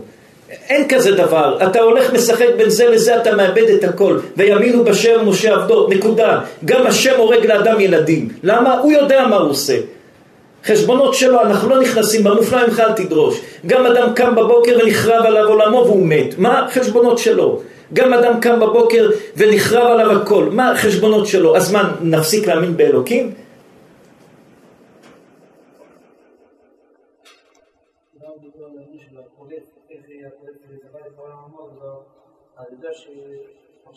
מחשבה טובה כזאת מצטרף למטה. אז כנראה שכביכול לא קורה איתנו כל כך עצום לקיים את זה, ללכת להלוויה של רבי, כאילו הוא רשם את זה, אבל הוא לא ידע, אז הוא לא ידע. והקדוש ברוך הוא לקח את אותו רצון שהיה לו באמת וקיים את זה למעשה, ולא זכה לכל העולם הבא כאילו היה בהלוויה כמו כל האנשים שהיו, וזכו לכל העולם הבא, הוא. הגמרא אומרת שבלוויה של הצדיק, מי שנמצא בפטירה של הצדיק, הוא זוכה פי שתיים, כמו אלישע. שביקש מאליהו פי שתיים, כביכול הוא היה בצער שלא זכה לזה. אבל כל המהות של אותו כובש זה איזה אדם פשוט, אדם תמים, אשר יושב ביתך אביאלוך סלע, אדם תמים, אדם לא תלמיד חכם, הוא רק זוכר כל מיני אמרות מהגמרא של אה, שמה שרבי לימד את רבי חייא, ואותו כובש עם תמימות גדולה גדולה גדולה הגיע לדברים גדולים מאוד. פה בגמרא שואל מה החידוש שכולם זכו לך עולם הבא, הרי כל יהודי יש לו חלק עולם הבא, תוספות מתרץ בלי איסורים, שם הם זכו, וזה קינא הכובס, הוא פה את המערב, דבר מפחיד כבוד הרב. המהר"ל כותב שאותו כובס לא איבד את עצמו לדעת, אלא שהוא היה רשע, שהזקוק לתקן את עצמו לנקות את נשמתו, לכן קראו אותו חכמים בלשון כובס, שצריך כיבוס הנפש. וכיוון שהוא שמע שהוא החמיץ את ההזדמנות להגיע לחיי העולם הבא, הוא התעורר ושב בתשובה עד שהגיע אז, אז רבי שמעון לראות. עד שהגיע בכוחות נפשו למדרגת החיים הגבוהה ביותר, כמו שכבוד הרב אמר, שהיא איגרא, גג החיים, ובהגיעו אליה פרחה נשמתו מתוך תשובה, ולכן הוא מזומן לך לעולם. כמו אלעזר בן דורדן. אז משמע שפה, על פי המהר"ל, מהר"ל? מהר"ל מפראג. על פי המהר"ל מפראג, שאותו כובס היה בן אדם רחוק, פושטק, שאותו פושטק עשה כל מיני דברים לא טובים, אבל היה לו אמונת חכמים בכל כוחו. כולם עזבו את רבי והוא נשאר עם רבי בטבריה. הוא ישב בשיעורים של רבי, לא הבין כלום, אבל הוא זכר כמה דברים, החיה את רבי ואת רבי חייא. ואחרי שרבי נפטר, הוא היה בצער שהוא היה בלוויה, וקפץ או מת בשביל הדבקות שלו ברבי שלו. אז תראו, לכל יהודי באשר הוא יהודי, יש לו מקום גבוה ודבר גבוה ביותר. כשהנביא אלישע באו אל לצור על ביתו. פחד ואימה. הגמרא של רבי הביאו על פחד ואימה. כמה שנים לומדים את הגמרא, דורשים אותה. אפשר כל דבר של התורה הקדושה לסדר את זה וללמוד את זה, וכל הפוך בה והפוך בה דכולה בה. אמרנו פעם היה לנו נביאים, אחר כך היה חלומות, אחר כך אומרים נתונים, היום זה גמרא. בגמרא הזאתי כמה דברים צריך ללמוד. זה נבואה. הגמרא הזאת שעכשיו גם נכנס בראש לומר אותה אתמול בלילה ודורשים אותה וכל בני הקהילה של שיעור הישראל שומעים, זה נבואה. כל אחד ייקח את הנבואה הזאת של השיעור, כל שיעור זה נבואה. לא נבואה, אנחנו לא נביאים, אבל כל לימוד תורה שלומדים אותו בכלל בישיבה, יש בו מעין נבואה לקחת את זה, אין היום בית המקדש, אורים ותומים, אין חלומות שממנם אפשר לפסוק מה צריך לעשות, ואין נביאים. אז כל שיעור תורה שכולנו בישיבה יושבים ולומדים ברובם הדרת מלך, יש בו נבואה, לכן הרבה פעמים אנשים אומרים לנו, הרב נתן שיעור וכל השיעור דיבר אליי. מה פירוש כל השיעור דיבר אליי? זה נבואה. אין לנו נבואה היום, השיעור תורה זה נבואה. זה במקום נבואה שהיה פעם נביאים, חלומות, אה, אה, אה, אורים ותומים, שיעור תורה ברובם אדמת מלך של שובה ישראל, שזה קהילה של עשרות אלפים אנשים בעולם, זה נבואה. לכל אחד לקחת את שלו מאותה נבואה, זה נבואה.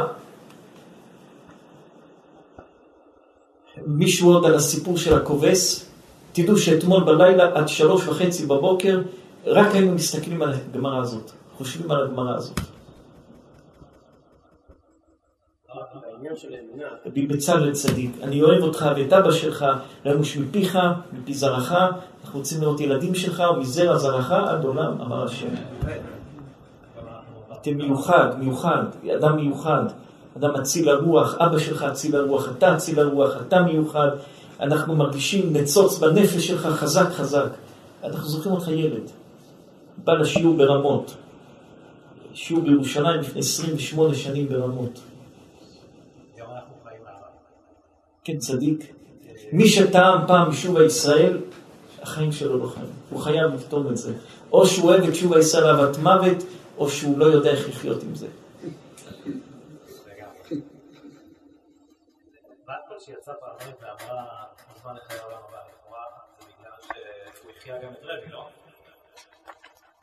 פעמיים, יפה, טוב.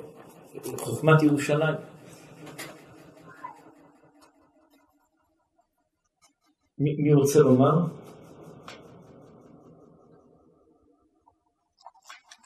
כל דבר אפשר לומר גם על הגמרא שהקו שמישהו שובר של, אה, שפוגע בתלמידי חכמים זה קו שאין בו ערך אפיים. כן, מה שקדוש ברוך הוא עוד פעם? אדם ששובר קו של אה, לפגוע בתלמידי חכמים זה רואים שאין בזה, אין בזה, אין מכה- אין בזה- תקנה למכתו. יוציאו בפרשת קדושים, אתם רוצים כמה שאלות? כן, רבי מאיר. כן, מהר"ל אפשר לדבר. בינתיים תוציאו את הפסוק בפרשת קדושים, לא תשנא את אחיך בלבביך. כן? כן, מהר"ל אפשר לדייק, שהוא הוא אומר שהם לא עברו ייסורים. חיברו את הקבר, אפילו צדיקים אה, ותינוקו פני יומם, אה, המדרש אומר שחיברו את הקבר. פה זה היה יום שישי. אז אין רבנו הקבר. חזק רבי מאיר הצדיק. רבי איתי אוהבים אתכם, צדיק רבי איתי, מהר חתונה, כל שובה ישראל, מהר חתונות, חתונות, מהר, מהר, צריכים כולם להתחתן. צריך לחזק את הישיבה פה, את הישיבה במרוקו. אנחנו רוצים שהישיבות יהיו מלאים בתלמידים, אנחנו רוצים לתת שיעורים כמו לפני 29 שנים, 30 שנה בשיעור, בישיבה. רוצים שהבית מדרש יתמלא, למלות את מנהטן, רבי בן ציון תמלאו את מנהטן, למלות את מרוקו, למלות את זה ביישוב הדת, תיקחו, חבל, אפשר להעביר את הימים באינטרנט, במשחקים, אפשר להעביר את הימים בחוכמה, בתורה, בתבונה, לגדל את השכל, להרחיב את השכל, להרחיב את הידיעות, להרחיב את היראת שמיים, ולהיות עולם, כל אחד יכול להיות עולם. רבי עקיבא רק בגיל 40 למד א' ב', כל אחד יכול מאיתנו להיות גדול בתורה, גדול, להיות גדול גדול. חבל, חבל, חבל. אנחנו אומרים לכם חבל. מי ייתן לנו לחזור לילדות, מה היינו עושים? אדם שיודע מה הוא יכול לעשות, וכל רגע מה אפשר לעשות. רבי בן ציון, תתחילו. מבקשים לשאול, אדם שנפגע בילדותו בביטחון העצמי, כבר לאחר עשרות שנים הביטחון העצמי נשאר ירוד, איך ניתן לשפר? עוד שאלה צדיק. כמה שנים שאנחנו חוזרים בתשובה ומרגישים שאנחנו מתקדמים בעבודת השם נחזור. נחזור על הביטחון עצמי. את השאלה הראשונה. קודם כל, אדם צריך שיהיה... מה זה ביטחון עצמי? דבר מורכב מה זה ביטחון עצמי. נדבר על משהו אחר, איך לשחרר את הלב מדברים לא פשוטים. לכל אחד יש בלב כעסים על ההורים, על האחים, על הדודים, על המורים, על השותפים, על החברים, ומתי שיש כעסים בלב, הלב מלא. ומתי שהלב מלא, אז הלב לא יכול להיכנס לדברים חדשים. אדם שעכשיו ניתק קשר עם שותף, או ניתק קשר בשידוך, או ניתק קשר עם משהו שהוא היה תפוס בו והאמין בו, אז הלב שלו סגור, קשה לו להיכנס לעולמות ולדברים חדשים. הוא לא מאמין בשותף, הוא לא מאמין בכך, הוא לא מאמין בכך, והוא בונה בלב שלו משהו שקשה לו להתמודד עם, ה... קשה לו להתמודד עם הרבה דברים אחרים. קודם כל, באופן כללי, בן אדם זה עולם, בענייני שידוכים אדם זה עולם, ואישה זה עולם אחר. אדם היה מעדיף לחיות חיים לבד, ואישה תמיד צריכה עוד מישהו שיהיה, ידבר איתה. הגמרא אומרת, טוב לימן טוב, נוח לה לאישה לחיות עם מוכה שכין ולא להיות לבד. אישה צריכה שותפות, למה? כי אדם נברא מחול בודד, הבריאת האדם, איך הקדוש ברוך הוא ברא את האדם? מחול. אדם נברא לעולם בודד, אדם יכול להתמודד בודד. אישה, הקדוש ברוך הוא יצר אותה מכתחילה עם איש. אז אישה תמיד צריכה את התמיכה של איש, שיהיה לה את בעלה, שיהיה לה מישהו שיהיה איתה. אז האישה תמיד רוצה שהבעל ידבר איתה, יאמר לה, ישתף אותה, מה עשית, איך עשית, והאיש אין לו כוח, למה? כי הוא בודד, הוא בא מחול, הוא רוצה ללכת לבד, רוצה לדבר לבד, לחיות לבד, להיות לבד, לעשות הכל לבד. זה המהות של האדם, אדם נברא מחול, בודד, אישה נבראתה מהאדם, צלע מהאדם, אז היא תמיד צריכה שותפות, אדם מספיק לו לבד. ואני חושב, אנחנו חושבים שזה היה המחלוקת בין רבי יוסי, בין חלפתא, במדרש שזה מובא בשם רב לוי, לבין אותו מטרוניתא. שמישהו יוציא את הגמרא, שהגמרא שואלת, ששאלה אותו מטרוניתא את רבי יוסי, מה עושה הקדוש ברוך הוא?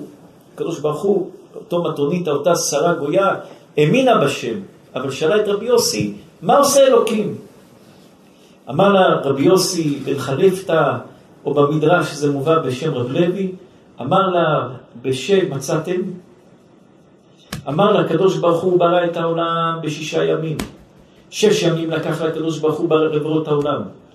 וביום השביעי שבת והיא נפש, הקדוש ברוך הוא ביום השביעי שבת והיא נפש, שאל אותו מה עושה מאז? הוא ברא כבר את כל העולם, מה הוא עושה מאז? אמר לה אותו תנא, מזווק זיווגים, הקדוש ברוך הוא עושה זיווגים, ואומר, זה יקנה את הבית של זה, זה יעשה עסק עם זה, זה יקנה את הסחורה של זה, כביכול עושה איזה משרד, משרד של שידוכים, לא רק שידוכים בעל ואישה, אלא שידוכים בעסקים, שידוכים בקניית בתים, תיווך, נדל"ן, אה, כל מה שצריך קשר בין מישהו למישהו, זה מה שעושה אלוקים מבריאת העולם עד היום. אמר לו אותו מטרוניתא, אני יכולה לעשות את זה. אמר לו, טוב, תעשי. הוא לא רצה לריב איתה. מטרוניתא, שרה, יתחיל לריב איתה, תיקח אותו לבית סוהר. אמר לה, תנסי. היא אמרה לו, יש לי אלף עבדים, אלף פועלים, אני מחתנת אותם מחר בבוא, מחר, היום בלילה.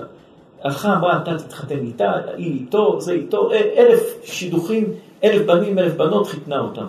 למחרת קמו בבוקר, הגמרא אומרת, זה פצוע בעין, זה פצוע ברגל, זה פצוע ביד, כולם פצועים. מישהו מצא? רבי אריאל, בקול. בקול, בקול. רבי... רבי יוסי בר חלפתא. כמה ימים לקח לקדוש ברוך הוא ברא לברות את העולם?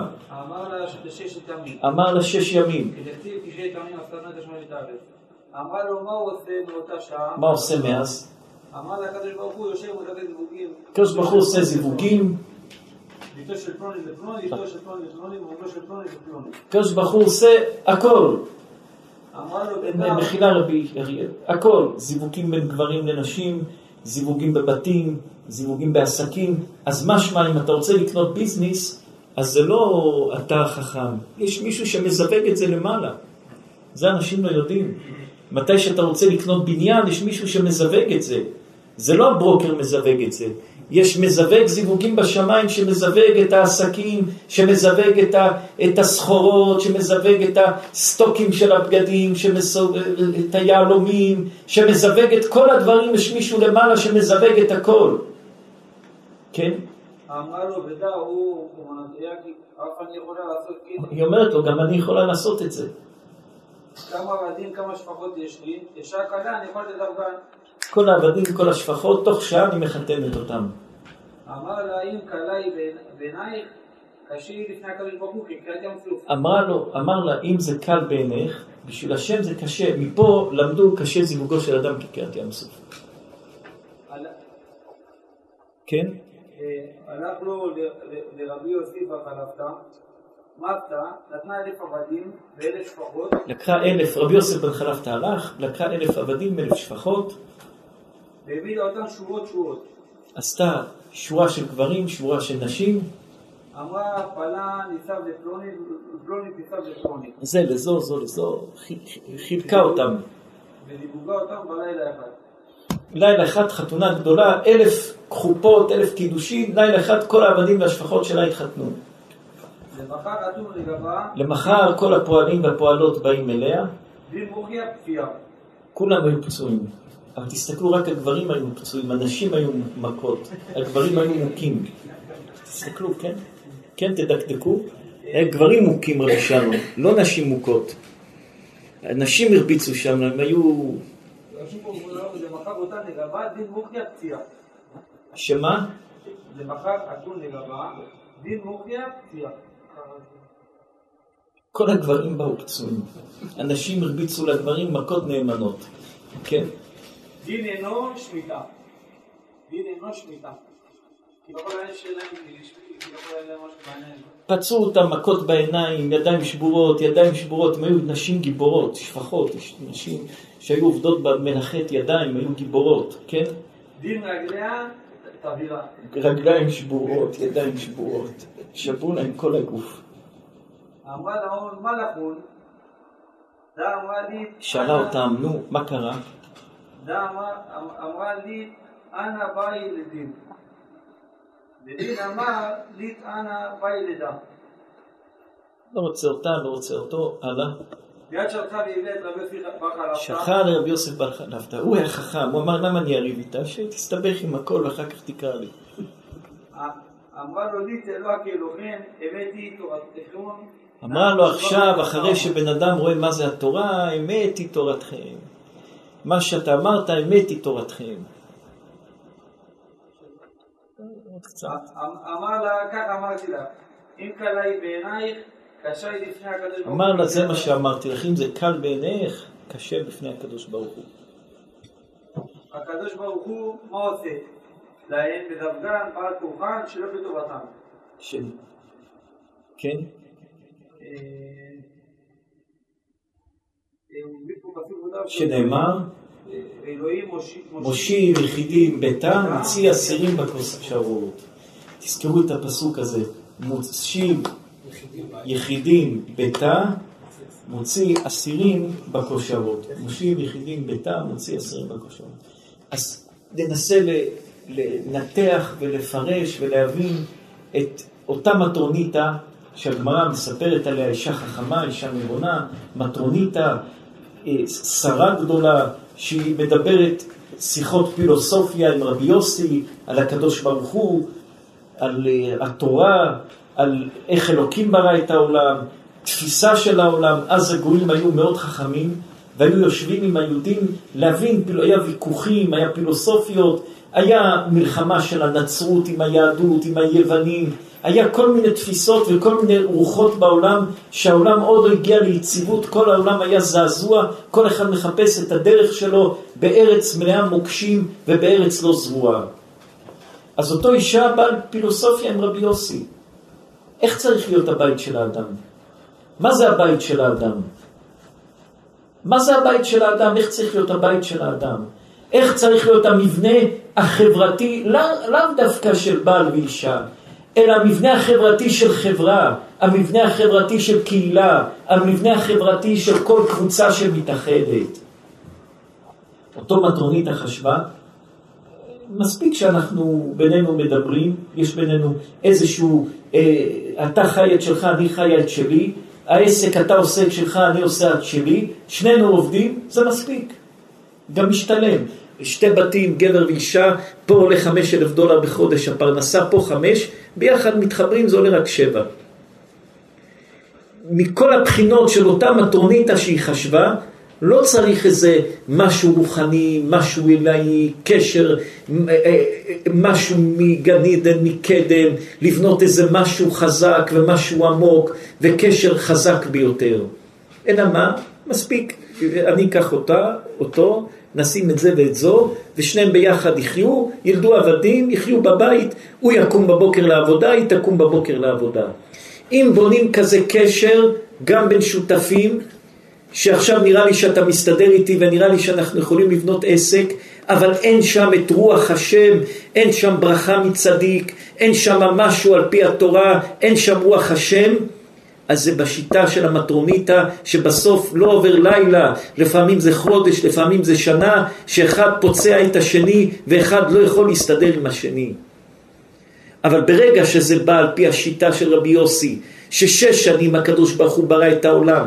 ומה זה יום השביעי? יום השביעי זה יום של שבת, שכולם יושבים, וכולם יושבים בשולחן שבת, וכולם מחזקים את הקשר ביניהם, וכולם רואים את האחים ואת האחיות ואת הדודים, ונפגשים בבית כנסת, ועולים לתורה, ויש קשר, לפעמים הוא של מתיחות, ולפעמים הוא של שלום, ולפעמים הוא כך, ומתחברים ושומרים אחד על השני, על הקשר של אחד על השני, אז יש לזה המשך בעתיד. אבל אם זה קשר שהוא קשר טכני, מכני, כמו שאותה מטרוניתא חשבה, אני לוקחת את זה ואת זה ומחברת, זה נגמר שכולם פצועים. בשביל לבנות דבר חדש צריך שתי דברים שונים. צריך איש ואישה שהם שתי דברים שונים, לברוא וליצור ילד, לבוא וליצור ילדים, לבוא וליצור משהו חדש, לבוא וליצור עולם חדש. ולכן קשה קריאת, זיווגו של אדם כקריאת ים סוף. למה קריאת ים סוף?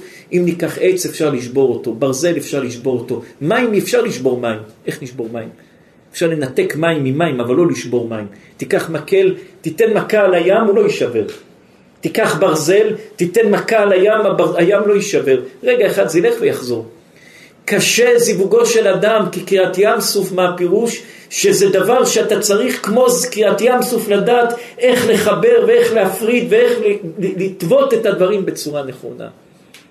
אז רבי יוסי בן קיסמא אומר לאותה מטרוניתא, את חושבת שהחיים יכולים להיות טכניים, את חושבת שהחיים יכולים להיות דבר ועוד דבר יוצא שלוש, בלי רוח השם, בלי רוח התורה, בלי רוח של אה, חוכמה, בלי רוח של, של חברות, בלי רוח של אמונה, בלי רוח של קשר, בלי רוח של דברים נוספים, כולם פצועים.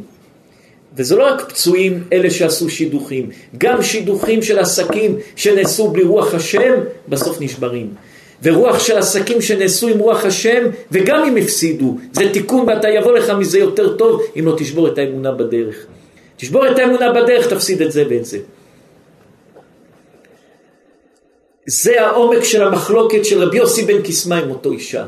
זה המחלוקת עמוקה, חזקה, בין אותו אישה למטרוניתא לרבי יוסי בן קיסמא, איך החיים מתנהלים. על ידי קשר, רק קשר שמסתדר, אני ואתה זה מסתדר אחד ועוד אחד זה שתיים, או קשר שצריך לקחת איתו רוחניות וקדושה ו- ו- ומחשבה, ואחד להבין את העומק של השני ואת המחשבה של השני, ואת הראייה של השני ואת היראת שמיים ואת התפילה ואת הקידוש ואת התפילה ואת טהרת המשפחה ואת הקשר הרוחני ואת הכל ביחד, או הסתדרנו עכשיו, נתת לי, נתתי לך, אנחנו חיים באיזשהו אה, בנק השקעות, אתה משקיע אצלי, אני משקיע אצלך, לפעמים זה, זה באנגלית קוראים ווין ווין, איך קוראים באנגלית? איך? ווין ווין, לפעמים זה ווין ווין, כל פעם איך שזה משהו אחר. לא. אלא בדרך של התורה זה דרך אחרת לגמרי, דרך של רבי יוסי, ראייה אחרת, שונה לגמרי בכל המובנים ובכל הדברים. קדושים תהיו, כן רבי בן ציון, זה אמת. רק נחזור על הביטחון עצמי. אנחנו בביטחון עצמי לרבי יוסי בן קיסמא, שזה גם חלק מהביטחון עצמי. כי בית שבונים אותו על חוסר רק כי זה מסתדר, אדם ראה אישה, מסתדר יפה, כן, אישה ראתה אדם, מסתדר יפה, כן, לא, זה ככה לא בונים. צריך משהו עמוק של קשר, שיהיה הקדוש ברוך הוא בפנים. אולי גם אפשר להביא לזה ראייה. במערב הקינה סיבה דמיתתה, אמרינן לשנינן למצה ומוצא. מצה אישה, מצה טוב. מצא, בפסוק שני כתוב, מוצא אני מר ממוות את האישה. מה פירוש? אם מצא אישה, הוא מצא את האישה שיש בה ברכת השם, וזה קשר שהוא לא קשר כי ראינו והסתדרנו הרגע, ומשהו נראה שלה יש כסף, לי יש כסף, משהו הסתדר. אם זה עם יראת שמיים מצא אישה, מצא טוב. שואלים אותו האם זה מצא, האם מצאת שם את השם, האם מצאת שם יראת שמיים. מצא או מוצא, מוצא אם רק מוצא, רק מ... אתה מחפש להמציא רק מצאת כסף או יופי או משהו, מוצא נמר ממוות את האישה.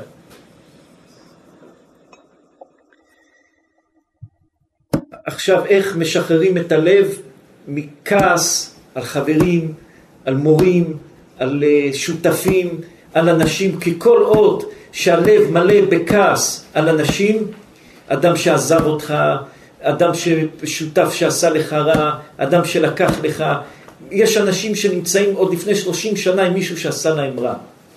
יש אנשים שנמצאים לפני עשר שנים עם חלום שהם חולמים על מישהו שעשה להם רע. והלב שלהם לא יכול לחיות.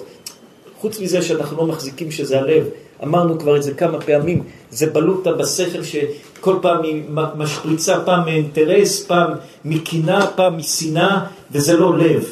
אמרנו רוב האנשים שאומרים שלקחו ללב, הם אף פעם לא מתים מהתקף לב. הם האנשים הכי בריאים בלב. זה משהו במוח שמשפריץ חומרים כמו שהלב כואב, הלב, הלב, הלב, הלב, הלב. הלב שלהם חזק וקשוח, והלב שלהם כלום לא מתקרב ללב הזה. זה לב עשוי ללא חטא.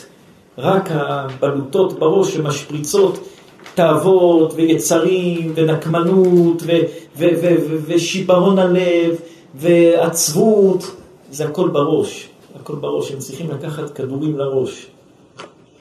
אז איך משחררים את הלב ואיך לא נכנסים ללב למקומות לא טובים? בשכל זה צריכים לעשות מחקרים מיוחדים איך משתלטים על השכל. בינתיים שנים עברנו על הלב, איך בלב, אבל אולי הלב להשפיע על השכל, כי הלב והשכל יש ביניהם קשר, אבל רוב הבעיות של האנשים בחיים, הקנאה, התאווה, הרדיפה, העצבות, הלקיחה ללב, השיברון הלב, זה לא קשור ללב, זה משהו בראש. אתה מדבר אדם, הוא מתעצבן, אני עצבני בלב, הלב שלי מלא עליך, איזה לב? הראש מלא עליך. הבלוטה שזורקת לך עצבים, קנאה, שנאה, היא מלאה עליך, לא הלב, הלב בכלל אין לו כלום בקשר, כלום בכל העניין הזה. פרשת קדושים.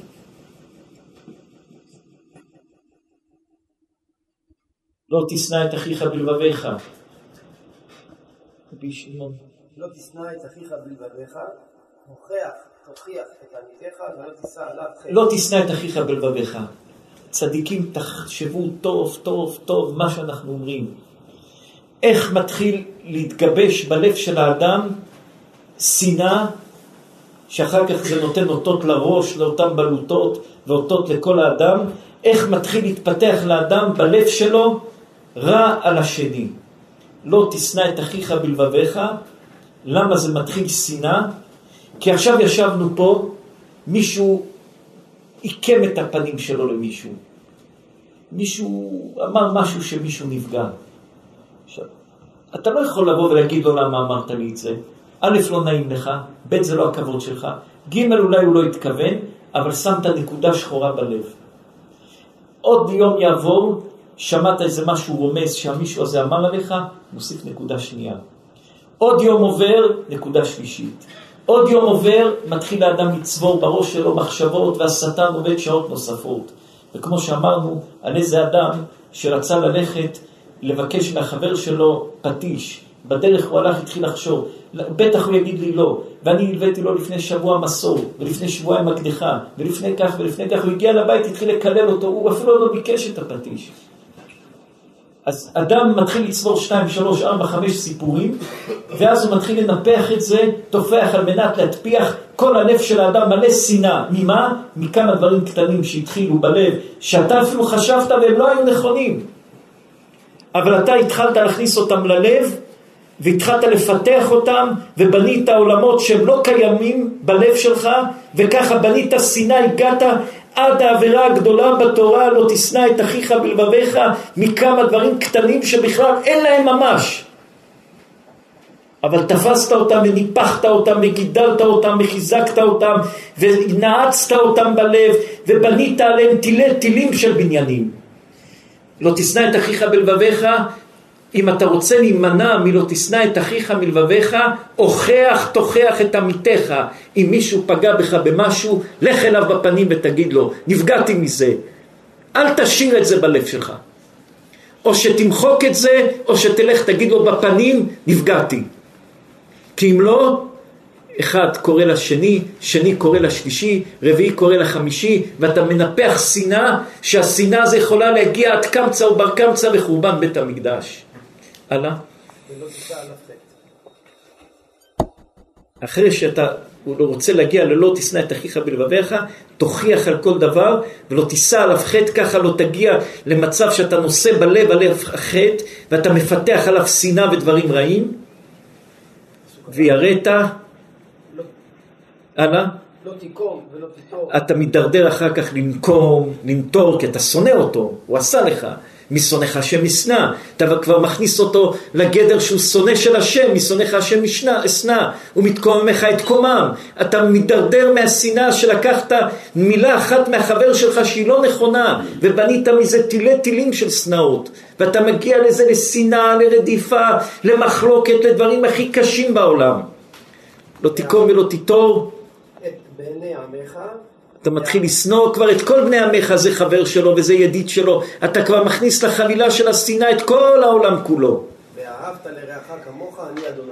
מזה שאתה מגיע להוכיח אדם שפגע בך, או שאתה בכלל סולח במקום, כמו אדם שזורק לפיד של אש במים, הוא מתחבא במקום, אבל אם אתה רואה שמה שמישהו אמר לך כואב לך, אל תשאיר את זה בלב. אם אתה לא יכול למחוק את זה, לך תיישר את זה. אתה לא יכול ליישר את זה, תדע, זה פתח לעוד בעיה ועוד בעיה ועוד בעיה, עד שזה יגיע לשנאה ויגיע ללא תיקום ולא תיטור, ויגיע לכל הרע שבעולם, ותשנא חצי מעם ישראל. אבל ברגע שתלך ותוריד את זה, זה ייגמר. וברגע שתתקן את זה, אז ואהבת, תגיע לאהוב ותרעך כמוך, ותגיע לעני השם בדרגה לאמונה גדולה בשם. לאיפה יכול להגיע שנאה קטנה של בן אדם, דיבור של בן אדם, רוע של בן אדם, סיפור שבן אדם מספר לשני, שמישהו סיפר לו, שמישהו אמר לו, כמה אנשים ששופכים אש במדורות וכמה אנשים שעושים חורבנות בעולם מדיבור קטן. אז אתה רוצה שהלב שלך יהיה פתוח למצוא שידוך אחר, למצוא שותף אחר, להצליח בחיים, כל עוד שהלב שלך מלא בסיפורים על אנשים, הלב שלך אטום, חתום, סתום. ברגע שתדע לנקות, או על ידי שתלך ותנקה את הלב, תלך לאדם הזה, תגיד לו, פגעת בי, נפגעתי ממך, אחד, שתיים, שלוש, תספר לו במה פגעת, מה הוא פגע בך. ולא בריב, אלא כואב לי, תנקה לי את זה. ותחזור עם אחיך ואהבת לרעך כמוך, תחזור עם אחיך ללב נקי. אם לא, אתה תשנא, וזה ילך ויטפח, טופח על מנת להטפיח, ומזה יגיע לשנוא את החברים של אותו אדם, ומזה יגיע לשנוא חצי מעם ישראל, ומזה יגיע לשנוא את השם, ומזה יגיע חורבה שלו שני. אבל ברגע, הוכח, תוכיח, תספר, תנקה, ותגיע לאהוב את חברך, ואני השם תגיע עד הקדוש ברוך הוא. זה פירוש עצום. יכול להיות מציאות שעשר שנים הרב הוא ישמור בלב, הוא יעבור... ורבי בן ציון, אדם עכשיו יכול עשר שנים, למה? ואדם פגע בך היום, לפני עשר שנים, ואתה בלב שלך, האיש הזה פגע בי, כואב, עוד פעם, עוד פעם, ואתה מפתח נגדו, גם אם אתה מחייך לו, יש לך בלב שנאה, בלב שלך סגור, לא יכול להיכנס ללב חברים חדשים, לא עסק חדש, לא שידוך, לא דבר חדש, לא כלום. למה? הלב חסום.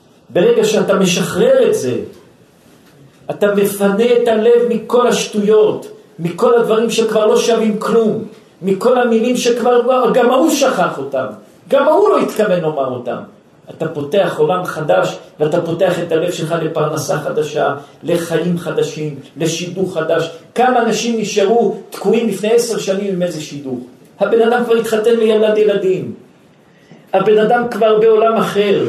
השותף ההוא כבר בעולם אחר, אתה נשארת עם כמה דברים, סיסמאות שמראים את הדגל של אותם סיסמאות. תגמור. תגמור עם הפירורים של התקווה שהם לא שווים כלום.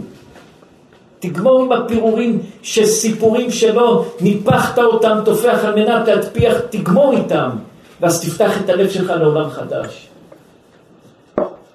על הרגיל בן ציון. אנחנו נוטים לבקר את הסביבה את בני המשפחה בלי סוף, בלי לשים לב, כבר הבנו שזה נובע מביקורת עצמית ורדיפה עצמית, אך לא מצליחים לנתק את זה מאיתנו, מה עצה כבוד הרב? אדם צריך בחיים, לספר לכם סיפור שסיפרנו אותו לפני הרבה שנים. היה איזה אדם שכל הזמן היה כועס על זה, כועס על זה, כועס על זה, למה זה, הוא היה בחור טוב, אבל כל היום כועס על כל העולם.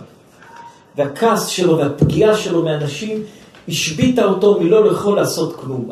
כל היום מושבת, כועס, נפגע מהאבא, מהאמא, מהאחים, מהדודים, מהשותפים. כל היום הוא היה מאותגר בכעס מכל העולם.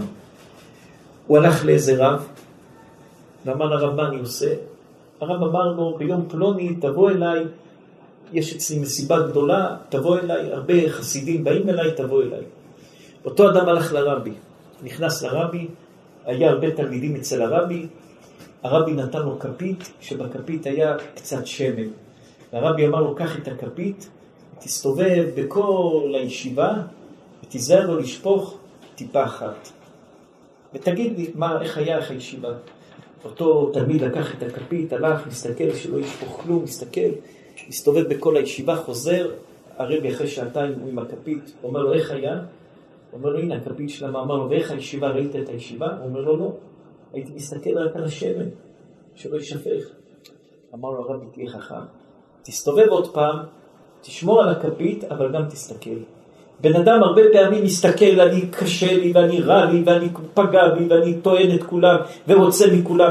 תהיה חכם, תסתכל על השמן שלא יישפך, וגם בדרך תסתכל על כולם. אדם, לעולם יהיה אדם, יראה את עצמו כמו בגדיו לבנים ושמן הנחסר על ראשו. אתה הולך עם בגדים לבנים ועל הראש כוס של שמן. תלך בזהירות שהשמן לא יישפך, אבל גם תסתכל. אדם צריך גם לדעת איך להסתכל ולהוכיח את האנשים איפה שלא טוב, אבל לא בגלל ההוכחות שאתה מוכיח אנשים ואתה כל היום רק עסוק בפגמים של השני, וזה עשה לי, וזה פגע בי, וזה לקח לי, וזה לא טוב, וזה לא טוב, בסוף אתה מסתכל רק מי לא טוב על השמן, ולא רואה כלום בחיים, ולא יודע כלום בחיים, ונמצא רק במחלוקות ומלחמות. כן, רבי מאיר. איך משתלב בעניין הזה שאדם שותק, למשל ביזיון שהוא עשה לו משהו לא טוב, ואז כל מה שהפעיל הוא חזר, קצת השמש בעקבותו, על השתיקה, על השכר האדיר. הרי זה מציק לי, עכשיו אתה רוצה להוציא... אבל רבי מאיר צריך לדעת, אם אדם שותק ובפנים הוא אש, כן. אז זה לא, זה לא נקרא לשתוק. התורה דיברה לבן אדם שמישהו אומר לך מילה קשה, תולה ארץ על בלימה, והוא בולם ולא לוקח את זה לא ללב, ולא אחר כך יוצא מהאיש שפגע בו ושובר חלון בבוקס, כי הוא עצבני כי פגעו בו. הנה, כעסת. העניין זה בן אדם שכמו שזרקו עליך לפיד, והלפיד או נדלק ונשרף, או שזרקו אותו למים ונכבה במקום. עכשיו מישהו יעמוד ויקלל ויצעק ויבזה. זה נראה לוקח שנים. רבי מאיר, איזה רב אחד הלך לתת שיעור, מישהו קם, קילל אותו, הוא אמר לו, סליחה, אני ממהר, יש לי עוד שיעור, אני אגמור את השיעור, אני אחזור, תמשיך לקלל אותי, עכשיו אין לי זמן. והוא גמר וחזר, אותו אדם רק לא היה שם. כי הוא באמת לא התכוון לקללות, הוא סתם היה עצבני ורצה לקלל. כבוד הרב,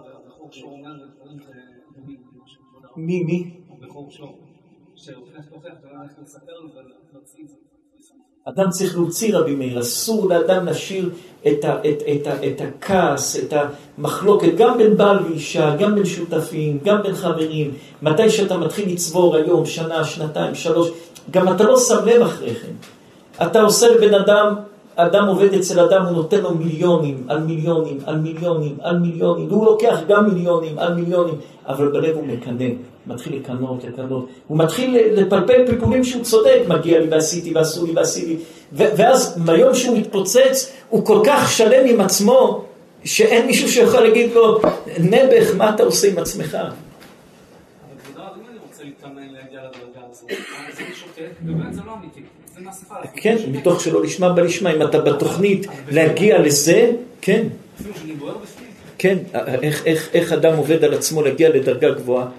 אדם עובד על עצמו להגיע לדרגה גבוהה לאט לאט. אדם לא משיג ביום אחד השגות עצומות, זה דברים של יום יום. רבי שמעון, התורה הקדושה של הישיבה זה אור גדול. רבי תומר זה אור גדול. שכבוד הרב אומר, המהר"ל אומר, שלושה דרגות, הנעלבים ואינם מולכים, שומעים חרפתם ואינם משיבים, ואז יש את הדרגה הגבוהה, עושים מהאהבה ושמחים בייסורים. הוא שמח גם בביזיון, גם בלב הוא לא כועס. הראשון לא עונה, השני בלב כועס. אבל הוא לא בדרגה של שמח. וזה מה שכבוד הרב אמר, שפוגעים בך, גם בלב לא יהיה לך, זה הדרגה הגבוהה ביותר שלו. כמה צריך לעבוד על זה בדור הזה, כי המלחמות, וה... כל העולם השתנה, המהות של העולם השתנתה. אני הגעתי לכמה תחנות בחיים לסגור חתונה, ודווקא ברגע שאני מגיעה לסגירה אני הולכת אחורה. מה לעשות עם בלבול כזה?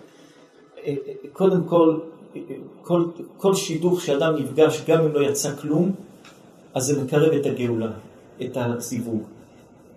זה מובא באלשיך, שמענו את זה מרבי מאיר אבוחצירא, זה מובא בשם אלשיך, שארבעים יום לפני יצירת הוולד, מלאכים מציעים שידוכים. מלאך אחד אומר, יעקב יתחתן עם זו, זה מלאך שני אומר עם זו. כל השידוכים שהמלאכים מציעים, צריך להיפגש איתם. עד שיוצא בת קול ואומרת, בת פלוני לפלוני, זה הזיווג האמיתי. עכשיו, יש אדם שמלאכים בכלל לא הציעו הצעות. מיד השם אמר, פגישה ראשונה מתחתן. יש אדם שמלאכים הציעו 100 שידוכים, הוא צריך לעבור 100 שידוכים. אז כל שידוך שהוא עובר, הוא מתקדם לשידוך האמיתי. עכשיו, אדם צריך גם לדעת מצד שני, למה הוא לא מתקדם בשידוכים? האם כי הוא קירב רק את הזיווג האמיתי, או שיש איזה משהו, יש אנשים למשל, שיש להם בעיה, שהם רוצים לרצות את כולם.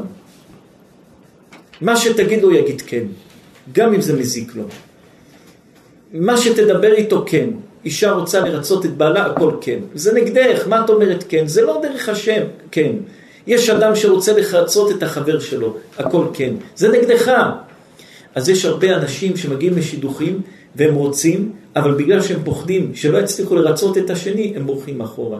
אם זה בגלל שאדם פוחד בתת הכרה שלו, לא לרצות, לא להיות מושלם, לא להיות כך, זה בעיה שצריך לעבוד עליה.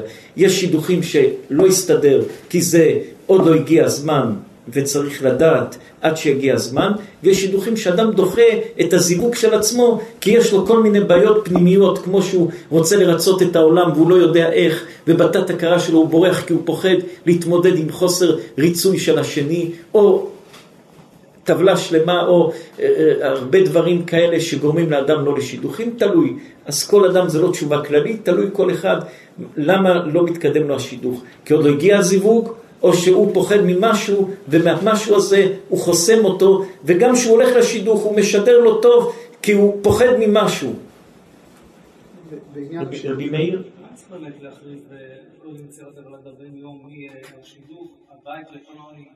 משום שברגע שמכריזים, אז יש לזה בטאבו בשמיים. כמו שאדם רוצה שזה יהיה רשום בטאבו, אז זה רשום בטאבו בשמיים. גם הפרנסה בטאבו בשמיים, איך, מה? כל שטרו בשמיים. פעם היו קוראים לזה בטורקים מושה, מושה, כן? איך? קושה, קושן. מי, מי אומר את זה?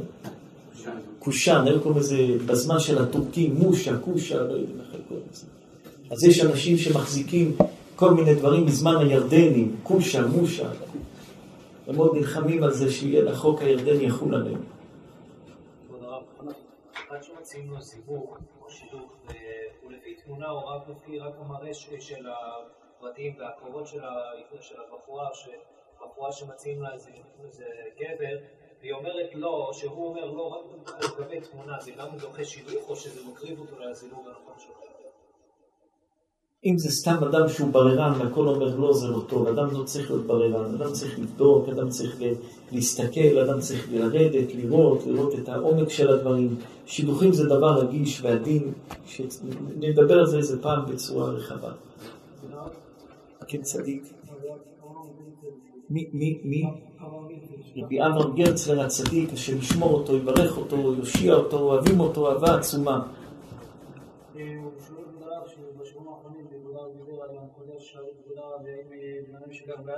עכשיו מלחמה האם לעבוד בחו"ל, עבודה על לי גם בעצם משחק במור יוצא עכשיו עוד במקום. אז הוא שואל, אבל אם זה אנשים מבוגרים, שיש להם פחדים לא מועילים למדינה... אם זה לנסוע לטייל, למה לא לטייל? אם אדם, יש זמן של מלחמה או זמן לא טוב, או יש מזג אוויר קשה בארץ וסופות וגשמים, ובמיאמי חם, ייסע לך למיאמי, זה לא... אנחנו לא רוצים להגיד תברח, כי יהודי לא בורח בגלל אף דבר. אז להגיד תברח לא אומרים. אז אם אדם זקן בחורף בניו יורק, הוא נוסע למיאמי לחום. אנחנו לא רוצים להגיד רבי אברהם הצדיק בלשון, כן, תברחו מהארץ כי יש מלחמה. אנחנו, אסור לנו לברוח משום דבר. אבל מתי שקר בניו יורק, נוסעים למיאמי. אדם שהוא לא מועיל מבחינה שצריך אותו ויכול לפחד וכולי, לא אומרים לו תברח, תלך למקום חם. אסור להגיד לאנשים תברח, תלך, אנחנו לא בורחים מכלום. כבוד הרב רבי חיים אלוש מבקש לומר שכעת 70 אנשים צופים בשיעור אלוש, רבי חיים אלוש צדיק יסוד עולם, הוא כמו בן שלנו, הוא טהור וטוב ומיוחד, וכל הצדיקים שבאילת רואים את השיעור, שמשמור אותם, יברך אותם, ישמח אותם, ישפיע עליהם שפע גדול, שפע גדול, שפע גדול. אחד מהנוכחים שם בשיעור מבקש לשאול אם יש קשר בין המצב הקיים עכשיו לספר בראשית, שהפיגוע הזה קרה דווקא בספר בראשית. ודאי שכל דבר יש לו זמן ויש לו עת ויש לו... אולי, אולי אה, נגיד דבר שלפני 11 שנים, לפני 11 שנים, בזמן הזה, שהיה לנו זמן קשה מאוד, קשה מאוד, חייכנו כרגיל והתנהלנו כרגיל, לא פחדנו לכלום, אבל אחד הסיפורים שנתנו לנו כוח גדול בנפש, זה סיפור של רבי נחמן. אמרנו כמה פעמים שאת התורות של רבי נחמן אנחנו שנים בקיאים בהם מאוד, לא דרשנו אותם הרבה, כי היה תקופות שהיה הרבה אה, קלות ראש מסביב לקדושה של רבי נחמן והיינו מאוד קשוחים בזה, וכמה שיותר בתבונה וביראת שמיים נוגעים בזה, זה משמח אותנו, ואת התורות של רבי נחמן אנחנו למדנו אותם ולומדים אותם הרבה. הסיפור מהתורות של רבי נחמן שלפני 11 שנים המון המון המון חיזק אותנו והרבה חשבנו על אותו תורה. סיפור, מישהו הוציא את הסיפור בכתב על אותו אדם שהיה עובד בתית עם היהלום. מי יכול להוציא את זה מהר? ושמעון אתם... סיפור מפחיד.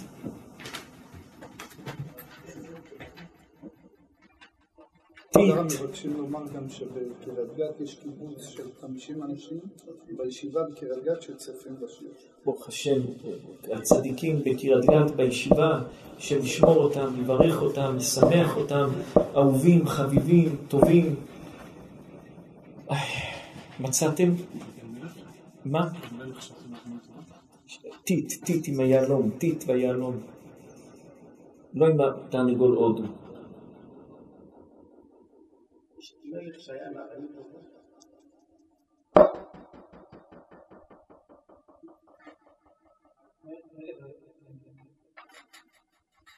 אדם פשוט שהיה משתכר מעבודת טיט.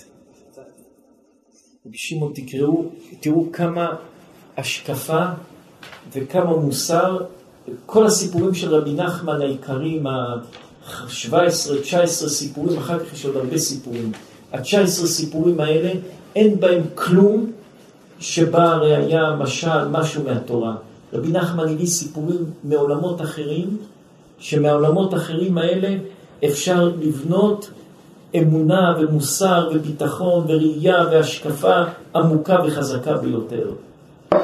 רבי שמעון, זה סיפור שבימים שבשבוע הזה, לפני 11 שנים, היינו שומעים אותו ולומדים אותו וקוראים אותו וכתבנו עליו יסודות גדולים מאוד.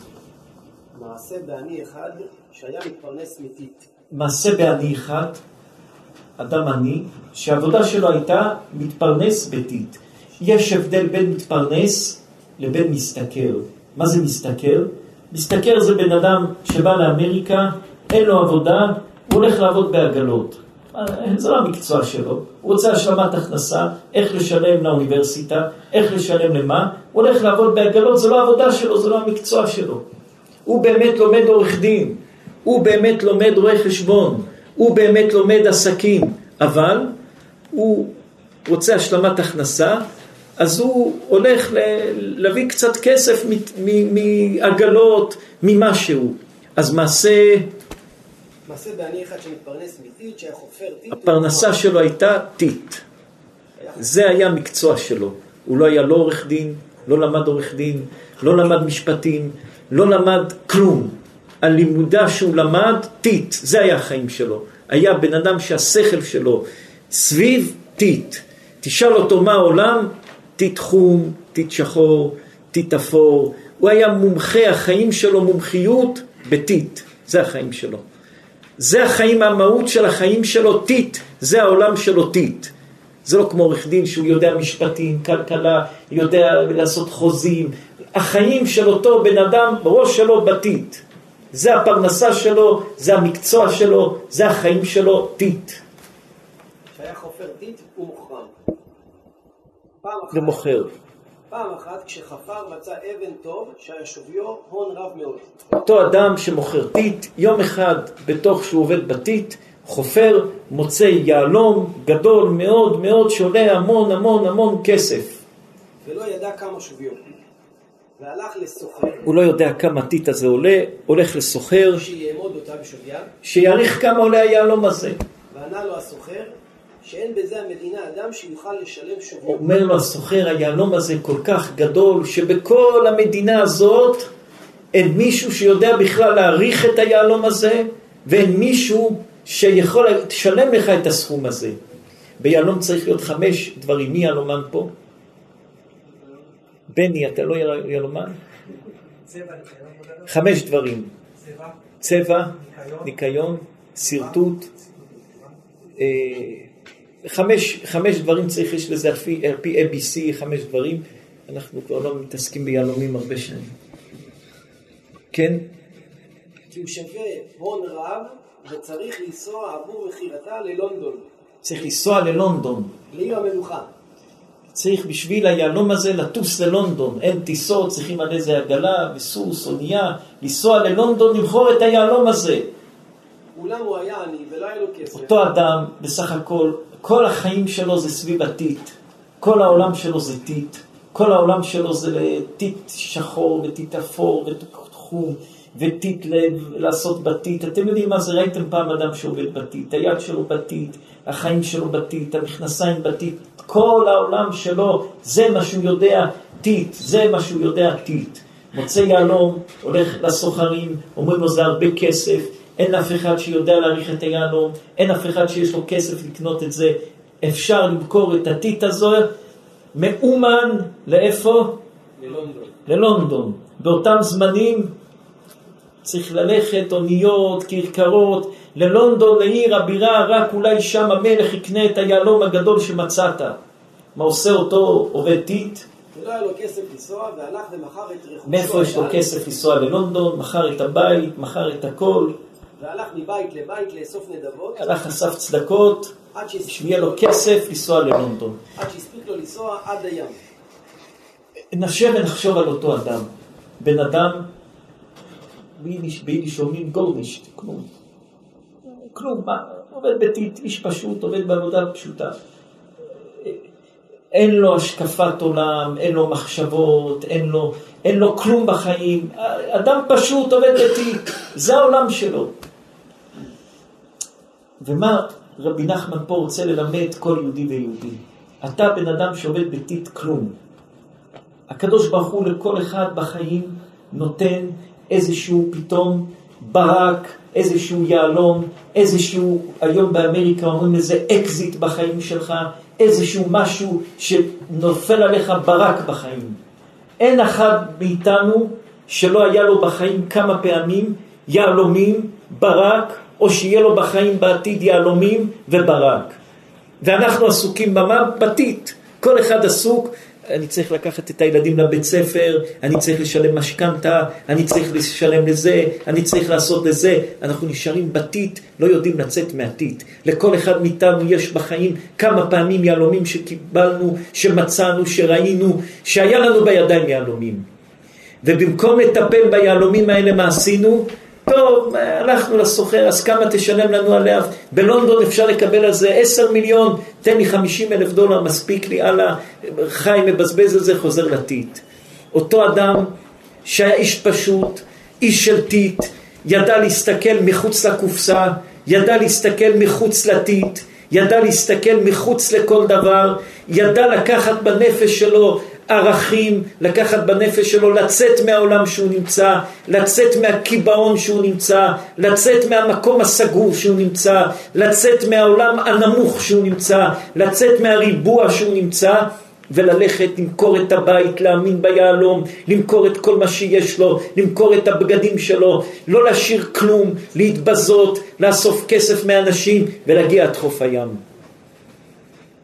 ורצה לעלות על הספינה, אולם לא היו לו אמהות, רוצה לעלות לספינה, אין לו כסף לשלם לרב החובל. והלך לקפטן, אז מה עושה אותו אדם? אותו אדם לא רק שהוא עם אמונה חזקה, שהיא אמונה שאין לה שני, ללכת נגד כל המציאות, לצאת מהטיט, ללכת נגד כל העולם, להמשיך נגד כל העולם, ללכת נגד כל העולם. אלא גם הוא מגיע לרב החובל, אין לו מה לשלם, הוא עושה את עצמו מיליונר, אומר לו תראה מה יש לי. הוא קונה את הרב חובל בלי כסף, באשליה. הוא כל כך מאמין בעצמו, הוא כל כך מאמין בסייעתא דשמיא שהקדוש ברוך הוא נתן לו, הוא כל כך מאמין במה שהקדוש ברוך הוא עכשיו עינה לידו, שהוא לא מבלבל את עצמו ונכנס ובוכה, יש לי ביהלום, מי יקנה אותו, איך אני אעלה? הוא אומר לרב החובל, תראה איזה מיליונר אני, תראה איזה יהלום יש לי. רב החובל מזדעזע, רב החובל לא מאמין, בן אדם כל כך חשוב עם יהלום כזה גדול, לוקח אותו לפרסט קלאס של האונייה. כשראה הקפטן את האבן, הבין שאדם עשיר הוא. ולקחו הקפטן, שרוב הקפטנים הם אנשים לא פשוטים, הם אנשים קשוחים. הקפטנים הם אנשים שיודעים לעבור סערות בים, שיודעים להתעסק עם אה, חוליגנים בים, עם שודדי ים, עם אנשים חולים שעולים לאונייה. אתם יודעים, עד לפני כמה שנים, מישהו שמת באונייה, מראש, לא מחכים לעיר להוריד אותו. עומדים כולם, שמים אותו במיטה וזורקים אותו לים. זה כלל, לא יודעים מה זה עכשיו, עד לפני 30 שנה כך זה היה. להיות רב חובל זה, זה לא פשוט. היה כרב חובל נכנע למצבו, כביכול אנחנו אומרים בתפילה, רב חובל שהוא קשוח, שכנע למצבו, זה לא פשוט. תמיד הרב חובל אומר, אני אעבור גם את זה, עברתי הרבה, אני אעבור גם את זה. ולקחו על הספינה בכבוד גדול, ונתן לו חדר מיוחד ממדרגה הראשונה. נתן לו חדר פרסט קלאס. וסידר לו כל התענוגים כאחד נתן לו לאכול כל התענוגים, נתן לו את השירות הכי טוב, VIP הכי גדול נתן לו, הכל על היהלום שאירע לו. כאחד מהנגידים הגדולים, מהחדר שלו היה לו חלון שפנה לים. גם היה לו חדר עם חלון באונייה, פונה לים. והוא היה תמיד מתעלס ומשמח נפשו עם המרגלית. כל פעם שהיה לו קצת עצבות, מוציא את היהלום, מסתכל וחולם. אני, האכילה. אני עשיר, יש לי הרבה כסף, עוד מעט אני אגיע ללונדון, יהיה לי הרבה כסף. היה, ובעיקר מתי שהוא היה אוכל, הוא היה יושב אוכל, שם את היהלום לידו, נהנה מהיהלום, חולם חלומות על היהלום. היהלום הזה היה משהו מיוחד, מיוחד, מיוחד, ישמחו השמיים ותגל לארץ. עירם ים, עירם ים פתאום בא. היה משתעשע עמה כי השמחה והרחבת הלב טובה ורפואה שיתקל המאכל. שמחה, מרוב שמחה האוכל היה יורד טוב לבטן, מתקן טוב בבטן. איזה, איזה מילים יש לרבי נחמן. פעם אחת כשישב לאכול כהרגלו והמרגלית הייתה מונחת על השולחן באחד הימים ישב לאכול כהרגלו, מתעלס, להתענג בתענוגים, יהלומים, מוסלם ודגים, מתעלס עם היהלומים. בא הפועל, הרים את המגבת עם היהלום לפח לים. כי לא ידע שיש עליה מרגלית והשליכה כל הים. כל החלומות של אותו אדם, הבית שמכר, הרהיטים שמכר, הכסף שאסף, אל תזיזו את הרמקול, כל מה שהוא עשה, הכל, הכל, הכל, הכל, הלך, זרקו את זה בים, הלך הכל לים. כשהקיץ משנתו והבין כל זה, הקיץ היה- לא משנתו שנתו, הקיץ משנתו מהעוול, מהטראומה, מהדבר החמור שקרה לו. והבין כל זה, היה לו צער גדול וכמעט שיצא מדעתו. כמעט השתגע. כי מה יעשה עתה? הכל נאבד, כמעט השתגע. מה יעשה? מה יספר? מה יאמר?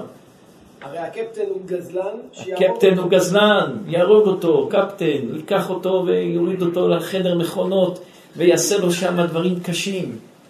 יהרוג אותו בעד מחיר הנסיעה. על כן עשה את עצמו שמח כאילו... אותו אדם היה. חכם, המשיך את הדרך שלו, ישב והתנהג כמו מיליונר עם היהלום בכיס, והמשיך לצחוק ולשמוח ולהתרברב ולהתנהג כמו שלא קרה לאותו אדם כלום. הוא לקח על עצמו, אמר, מה, יעש, מה יהיה לי? אני אשב, יבכה, יזרוק אותי, ייקח אותי לחדר מכונות, יעשה אותי פועל לשים פחם. מה אני אעשה? הוא אמר, אני אמשיך להתנהל רגיל, כמו שלא קרה כלום, יישב רגיל, יתנהג רגיל, ימשיך להת...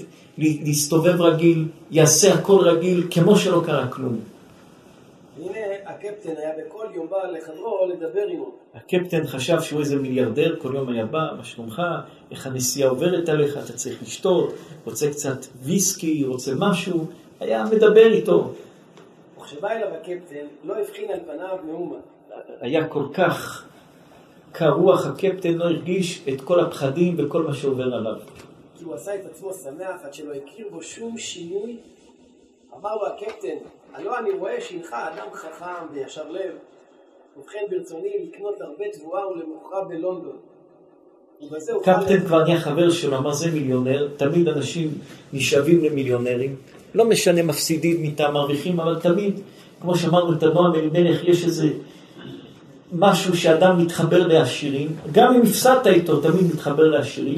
אמר אותו קפטן לאותו אדם, אני רוצה לקנות סחורות, לעבוד איתך, בוא נהיה שותפים, אתה איש חכם, נבון, הוא כבר נהיה חכם, עובד ביתי, נהיה חכם, נבון, כבר בעל המאה זה בעל הדעה, הוא כבר בעל, נהיה בעל הדעה, אני רוצה לקנות איתך סחורה, רוצה להיות חבר שלך. ובזה אוכל להרוויח הרבה. אולם אני אראה שמא יאמרו שאני גנבתי את הכסף. הקפטן הזה יודע שכל הקפטנים מבריחים סחורות, מבריחים סיגריות, מבריחים אלכוהול, מבריחים דברים. אז אותו, אותו קפטן אומר, תמיד חושדים בקפטנים שהם עושים דברים לא טובים ומבריחים סחורות, אז יחשדו בי, מה אני אעשה? אז בוא, נשים את הסחורה על שמך, על כן, ועל שמך זה יהיה טוב מאוד. אתה מיליונר, אני קפטן, חושדים בי כולם, ככה נעשה כסף ביחד. כן יהי נא הקניין ואני אשלם לך עבור. עשו אגרימן, עשו חוזה על שם הקפטן, שם על שם אותו אדם שעובד בטיט את כל מה שיש לו, כל הסחורות שהוא קנה. והוטב הדבר בעיני העני אני שמח, מצוין, כתבו על שמו עכשיו הרבה סחורות. כן. והנה כשבאו ללונדון, איך שהגיעו ללונדון, אותו קפטן קיבל דום לב ומת. למי כל הסחורות שייכות? נשאר הכל זה אצל העני. אצל העני. כמה סחורות היו שוות? פעמיים, כפל כפליים מערכו של המרגלית. כמה פעמים מהיהלום. כשסיים רבנו ז"ל את הסיפור, אמר המרגלית לא הייתה שלו. והראיה שנאבד ממנו. מה שאיבצת, סימן שמלכתחילה זה לא היה שלך. אומר רבי נחמן, סוף הסיפור, היהלום בכלל לא שלך. מצאת את היהלום, לעבור את כל הסיבובים, והיית חכם לצאת מהעבודה של הטיט, מישהו אחר היה מוכר אותה בעשר אלף דולר בעיר, ולוקח עשר אלף דולר וזה היה מספיק לו, מישהו אחר, אתה, היה לך את האמונה ואת האומץ לקחת יהלום שהוא גם לא שלך, אבל הוא לקח אותך דרך למכור את הבית, האמנת, ולמכור את הרהיטים, ולקבל צדקות, ולהגיע לים, ולהגיע בים, להיכנס בזכות הביטחון שהראית על האונייה, ולהיכנס בפנים, ולאבד את היהלום, ובמקום להישבר ולבכות, להמשיך כגיבור, שירשמו עליך את התבואה, ולהמשיך כגיבור, ובסוף תיקח את כל העושר שזה מגיע לך, שזה בכלל לא היה מגיע לך. וזה החיים של האדם.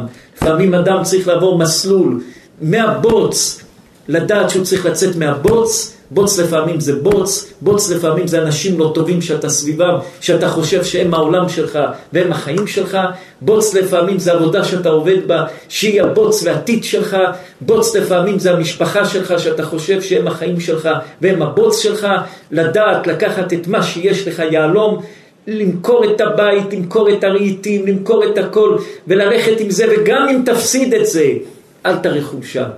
תמשיך עד הסוף, ועם האמונה והדבקות והדרך שאתה הולך, בסוף ירשמו עליך תבואה, שהיא כפל כפליים מהיהלום, והשפע והברכה יבואו אליך כפל כפליים שאין לה שני. לסיפור הזה יש מוסר עצום, שכל יהודי יכול לקשור אותו ולטוות אותו לחיים הפרטיים שלו. כן, רבי שמעון? אפשר לקרוא אותו מהר ואפשר לקרוא אותו עם הסבר. הלאה רבי בן ציון. כבוד הרב הישיבה במרוקו מבקשים לומר ש... הישיבה במרוקו צדיקים. תהיו חזקים, תהיו שמחים, אל תפחדו מאף אחד, הכל בסדר. אה, שאלה מה- מהקיבוץ אה, שבצפייה באילת, אה, האם יש סגולה לחייל שנמצא עכשיו בשדה הקרב שלא יכול לפתוח ספר, מה יעשה בשביל להינצל? מה שהוא זוכר, אפילו יגיד א', ב', ג', ד', ה', שיר המעלות, ממקים קראתיך השם, דברים של תורה, כל הזמן דברים של תורה. לא משנה מה הוא זוכר. כשהוא זוכר א', ב', יגיד א', ב'. זוכר שיר השירים, יגיד שיר השירים. כל דבר של תורה שהוא זוכר, יגיד. ויחד את שמו עם כל הצדיקים והקדושים, רבי עקיבא שמסר נפשו לקידוש השם, כל הצדיקים והקדושים, יקשור עצמו איתם. עם דוד המלך, יואב בן צרויה, כל הגיבורים של עם ישראל. שאלה בעניין שידוכים. אנחנו לא מוכנים להתפשר על דבר אחד וזה שמירת העיניים. מגיעות הצעות ואחרי בדיקה מבינים שלא כל כך מקפידים בשמירת העיניים ולכן קשה לנו להמשיך לפגישה.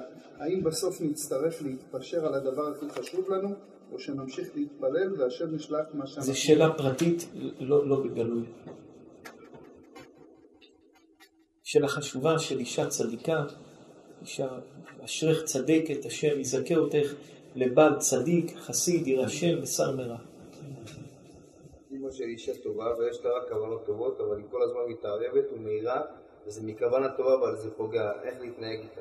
אתמול שם, להקיש את זה, להקיש למה שאתמול שאלו וענינו. אתמול שאלו שאלה דומה לעשות היקש. ברוב המעשים רבי שמעון, רבי שמעון, רבי שמעון, בישר הצדיק. אנחנו שואלים, דיברנו הרבה הרבה הרבה על אהבת חינם. יש עדיין רבנים שמדברים לא בקיבול ולא לא- לא- לא בצורה הזאת.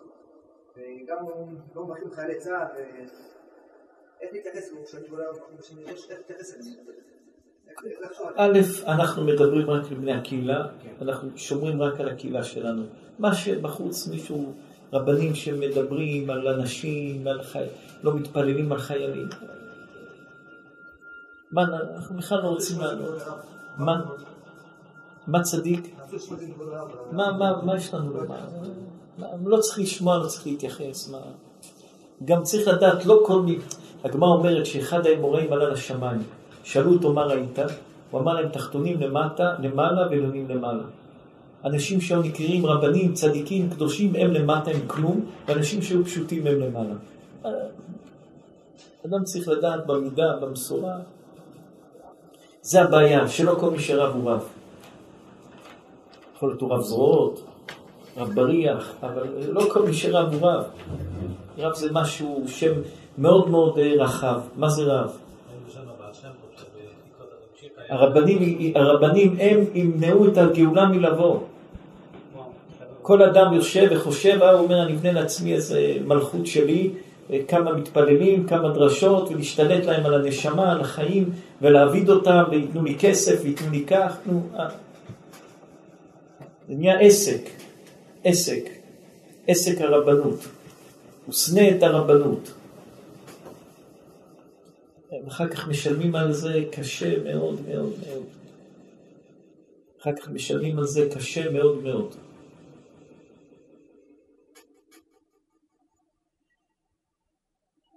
ברוב המעשים של האדם לא מגיעים לשלמות של 100%, אבל הגעתי ל-50, ל-30%. מדוע שלא מגיעים ל-100% שלמות, נופלים באכזבה וייאוש? זה יצאת יצר הרע. עכשיו אדם לא הגיע ל-100%, פעם הבאה יותר ויותר ויותר, וככה עולים. היצר הרע נותן לאדם לראות את הכוס הריק ולא את הכוס המלא. צריך לראות את הכוס המלא בכל דבר. ומתי שאדם רואה את הכוס המלא בכל דבר, אז הוא מסתכל על הדברים בצורה חזקה, הוא אומר עכשיו לא הצלחתי, פעם הבאה אני אצליח, פעם הבאה יהיה יותר טוב, ואדם מתחזק, אדם מתחזק, אדם מתחזק מפעם לפעם. בחיים יש דברים שלא בונים אותם ביום אחד. יום על עוד יום על עוד יום, לא משיגים עולם ביום אחד. בונים גם בתורה, שלב על שלב על שלב. אי אפשר לעשות ברגע אחד מצווה מושלמת בצורה שלמה ביותר. זה דבר של הדרגה והדרגה שאדם הולך ועולה. כל הזמן חושדת בי ולא מאמינה לי. קשה לי לחיות איתה ככה, ההתנהגות שלה רק דוחה אותי ממנה, וזה נותן לי לחשוב פעמיים זו אישה נכונה לי. איך להתנהג. זה דבר רגיש, דבר עדין, אדם צריך להתנהל בחוכמה, לתת לאשתו ביטחון בלב, ושמחה בלב, ולתת לאישה שלא יהיה שום פתח לשום דבר שאישה תחשוב לא טוב. מצד שני, גם אישה צריכה לדעת כמה שהיא דוחקת את בעלה, היא דוחקת אותו, נותנת לו חוסר רצון לכלום. אישה צריכה להיות חכמה, חוכמת נשים בנתה ביתה, לקרב ולעשות טוב, ולהוציא את הכעסים מהלב. איך מוציאים כעסים מהלב? יש כמה דרכים. או בעיה בליבי ששיחנה, אדם שיש לו בעיה או כעס ממישהו, ישיח ידבר על זה, לדבר על זה. כמה שאדם מדבר על זה, אבל לא עם, עם מישהו רע, שתגיד לו, אה, אישה שלו חושדת בו במשהו לא טוב, והוא יגיד לאישה, כן, באמת, גם אני חושד בו וגם אני נראה לי לא טוב. לא, עם אדם שיוריד את האש. זה ישיחנה עם אדם שיוריד את האש. או אדם שיש לו בעיה, ייקח עט ודף לכתוב את הבעיה. אדם עכשיו משהו כואב לו, תכתוב בעט ודף. השכל רץ מהר, הכתיבה הולכת לאט, ומתי שאתה עוצר את המהירות של השכל לכתיבה, אז אתה מוריד את הלחץ של המחשבות, ואתה עוצר את הלחץ של המריבות. או תיקח יד שמאל עט ודברים ותתחיל לקשקש. תצייר. עכשיו אתה כועס על משהו, קח ביד שמאל, לא ימין, תתחיל לקשקש, לצייר. תצייר פיל, תצייר גמל, ביד שמאל. זה עוצר לאדם את המחשבות של כעסים, של מריבות, של דברים לא טובים. ביד שמאל תלך תצי... תקשקש, תצייר ציורים, לא ביד ימין, ביד שמאל. או שתצייר בפניך את האדם שאתה כועס עליו, ותסביר לו, תדבר איתו. עשית לי כך, עשית לי כך, עשית לי כך, תסביר לו את הכל טוב מאוד, רק בדמיון, וככה תשחרר את זה מהלב שלך. ככה משחררים כעסים ומחשבות לא פשוטות על אנשים. כבוד הרב, יש לנו שאלה. אנחנו רואים תלמידי חכמים שהוא עמל בתורה. יש חולדק שהופך אותו להיות אדם שכלי בידיעות שהוא קונה ורוכש, והוא מאבד את האמונת חכמים. איך הגשר בין שני הדברים? אז האיש הזה אולי הוא מחשב שמחזיק בתוכו תורה, והאמונת חכמים שלו זה חלק מהביזנס שלו, והתורה שלו לעשות אה, אה, לעצמו כסף, כבוד, מחשבות, מה שנוגע לעצמו, שם, כמו שאמרנו, השטן יצא מקודש הקודשים. רבי שמעון. רואים שאלישע כשבא אליו מלך ארם, התלמיד שלו פחד. אז הוא התפלל עליו שהשם יפתח לו את העיניים, שהוא יראה שרבים אשר איתנו מאשר עמנו. אני לא זוכר מאיפה ראיתי, למה הוא פתח לו את העיניים? כי אם הוא לא מאמין, התלמיד ברב שלו, אז הוא יעצור את הנס לכולם, לא, לא, הברכה לא תחול. צריך שיהיה אמונה מוחלטת לתלמידים ברב, ולשמוע לרב, ולקבל מהרב. ברגע שאדם מגדיל ראש ומאתגר את הרב בשאלות, בסיפורים, בדברים, הוא מחריב את כל המקום. ולכן אדם צריך לא לאתגר את הדברים שכך או כך מאותגרים בדברים קשים. כמה שע, זמן השיעור? רבי שמעון, מה צריך לעשות? מה? מתי הברית של רבי דוד? זה יהיה הזמן בדיוק להגיע? יהיה טוב? איך... מי, מי, מי רוצה צדיקים? רפואה וחיים. איך השם? מלכי על הצדיק, רפואה וחיים, רפואה וחיים, רפואה וחיים, זכות התורה הקדושה, רפואה וחיים, רפואה וחיים, רפואה וחיים. עוד מישהו רוצה לומר משהו? רבי בציון, יש עוד איזה שאלה? יש שאלה ששואלים, האם קטרוג שלא בצדק יעביר את האדם ייסורים? אדם שמקטרגים עליו סתם, אז יהיה בעלת שווא, הוא יפחד ממשהו שלא קיים, לא יקרה מזה כלום. הוא ייסע ויחשוב שיש לו איזה בעיה באוטו, הוא יגיע ויראה שאין לו שום בעיה. קטרוג שווא גם בעלת שווא. מה הפירוש של אדם זוכה לעיבור של צדיק? איך זוכים לעיבורים? מתי שאדם מדבק באיזה צדיק ובאיזה מצווה של צדיק מסוים, אז הצדיק הזה מתעבר בו לתת לו כוח להמשיך יותר באותה מצווה. אבל מתי שאדם כועס, אותה נשמה יוצאת ממנו. רואים אנשים מיוחדים כי התעבר בהם צדיק. היה בהם כעס או עצבות, פתאום הם אנשים אחרים, יצא ממנה מההתעברות הזאת.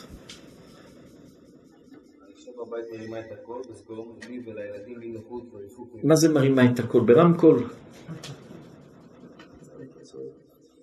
צועקת. טוב, ירגיעו אותה, שלא תצעק. כן, רבי שמעון?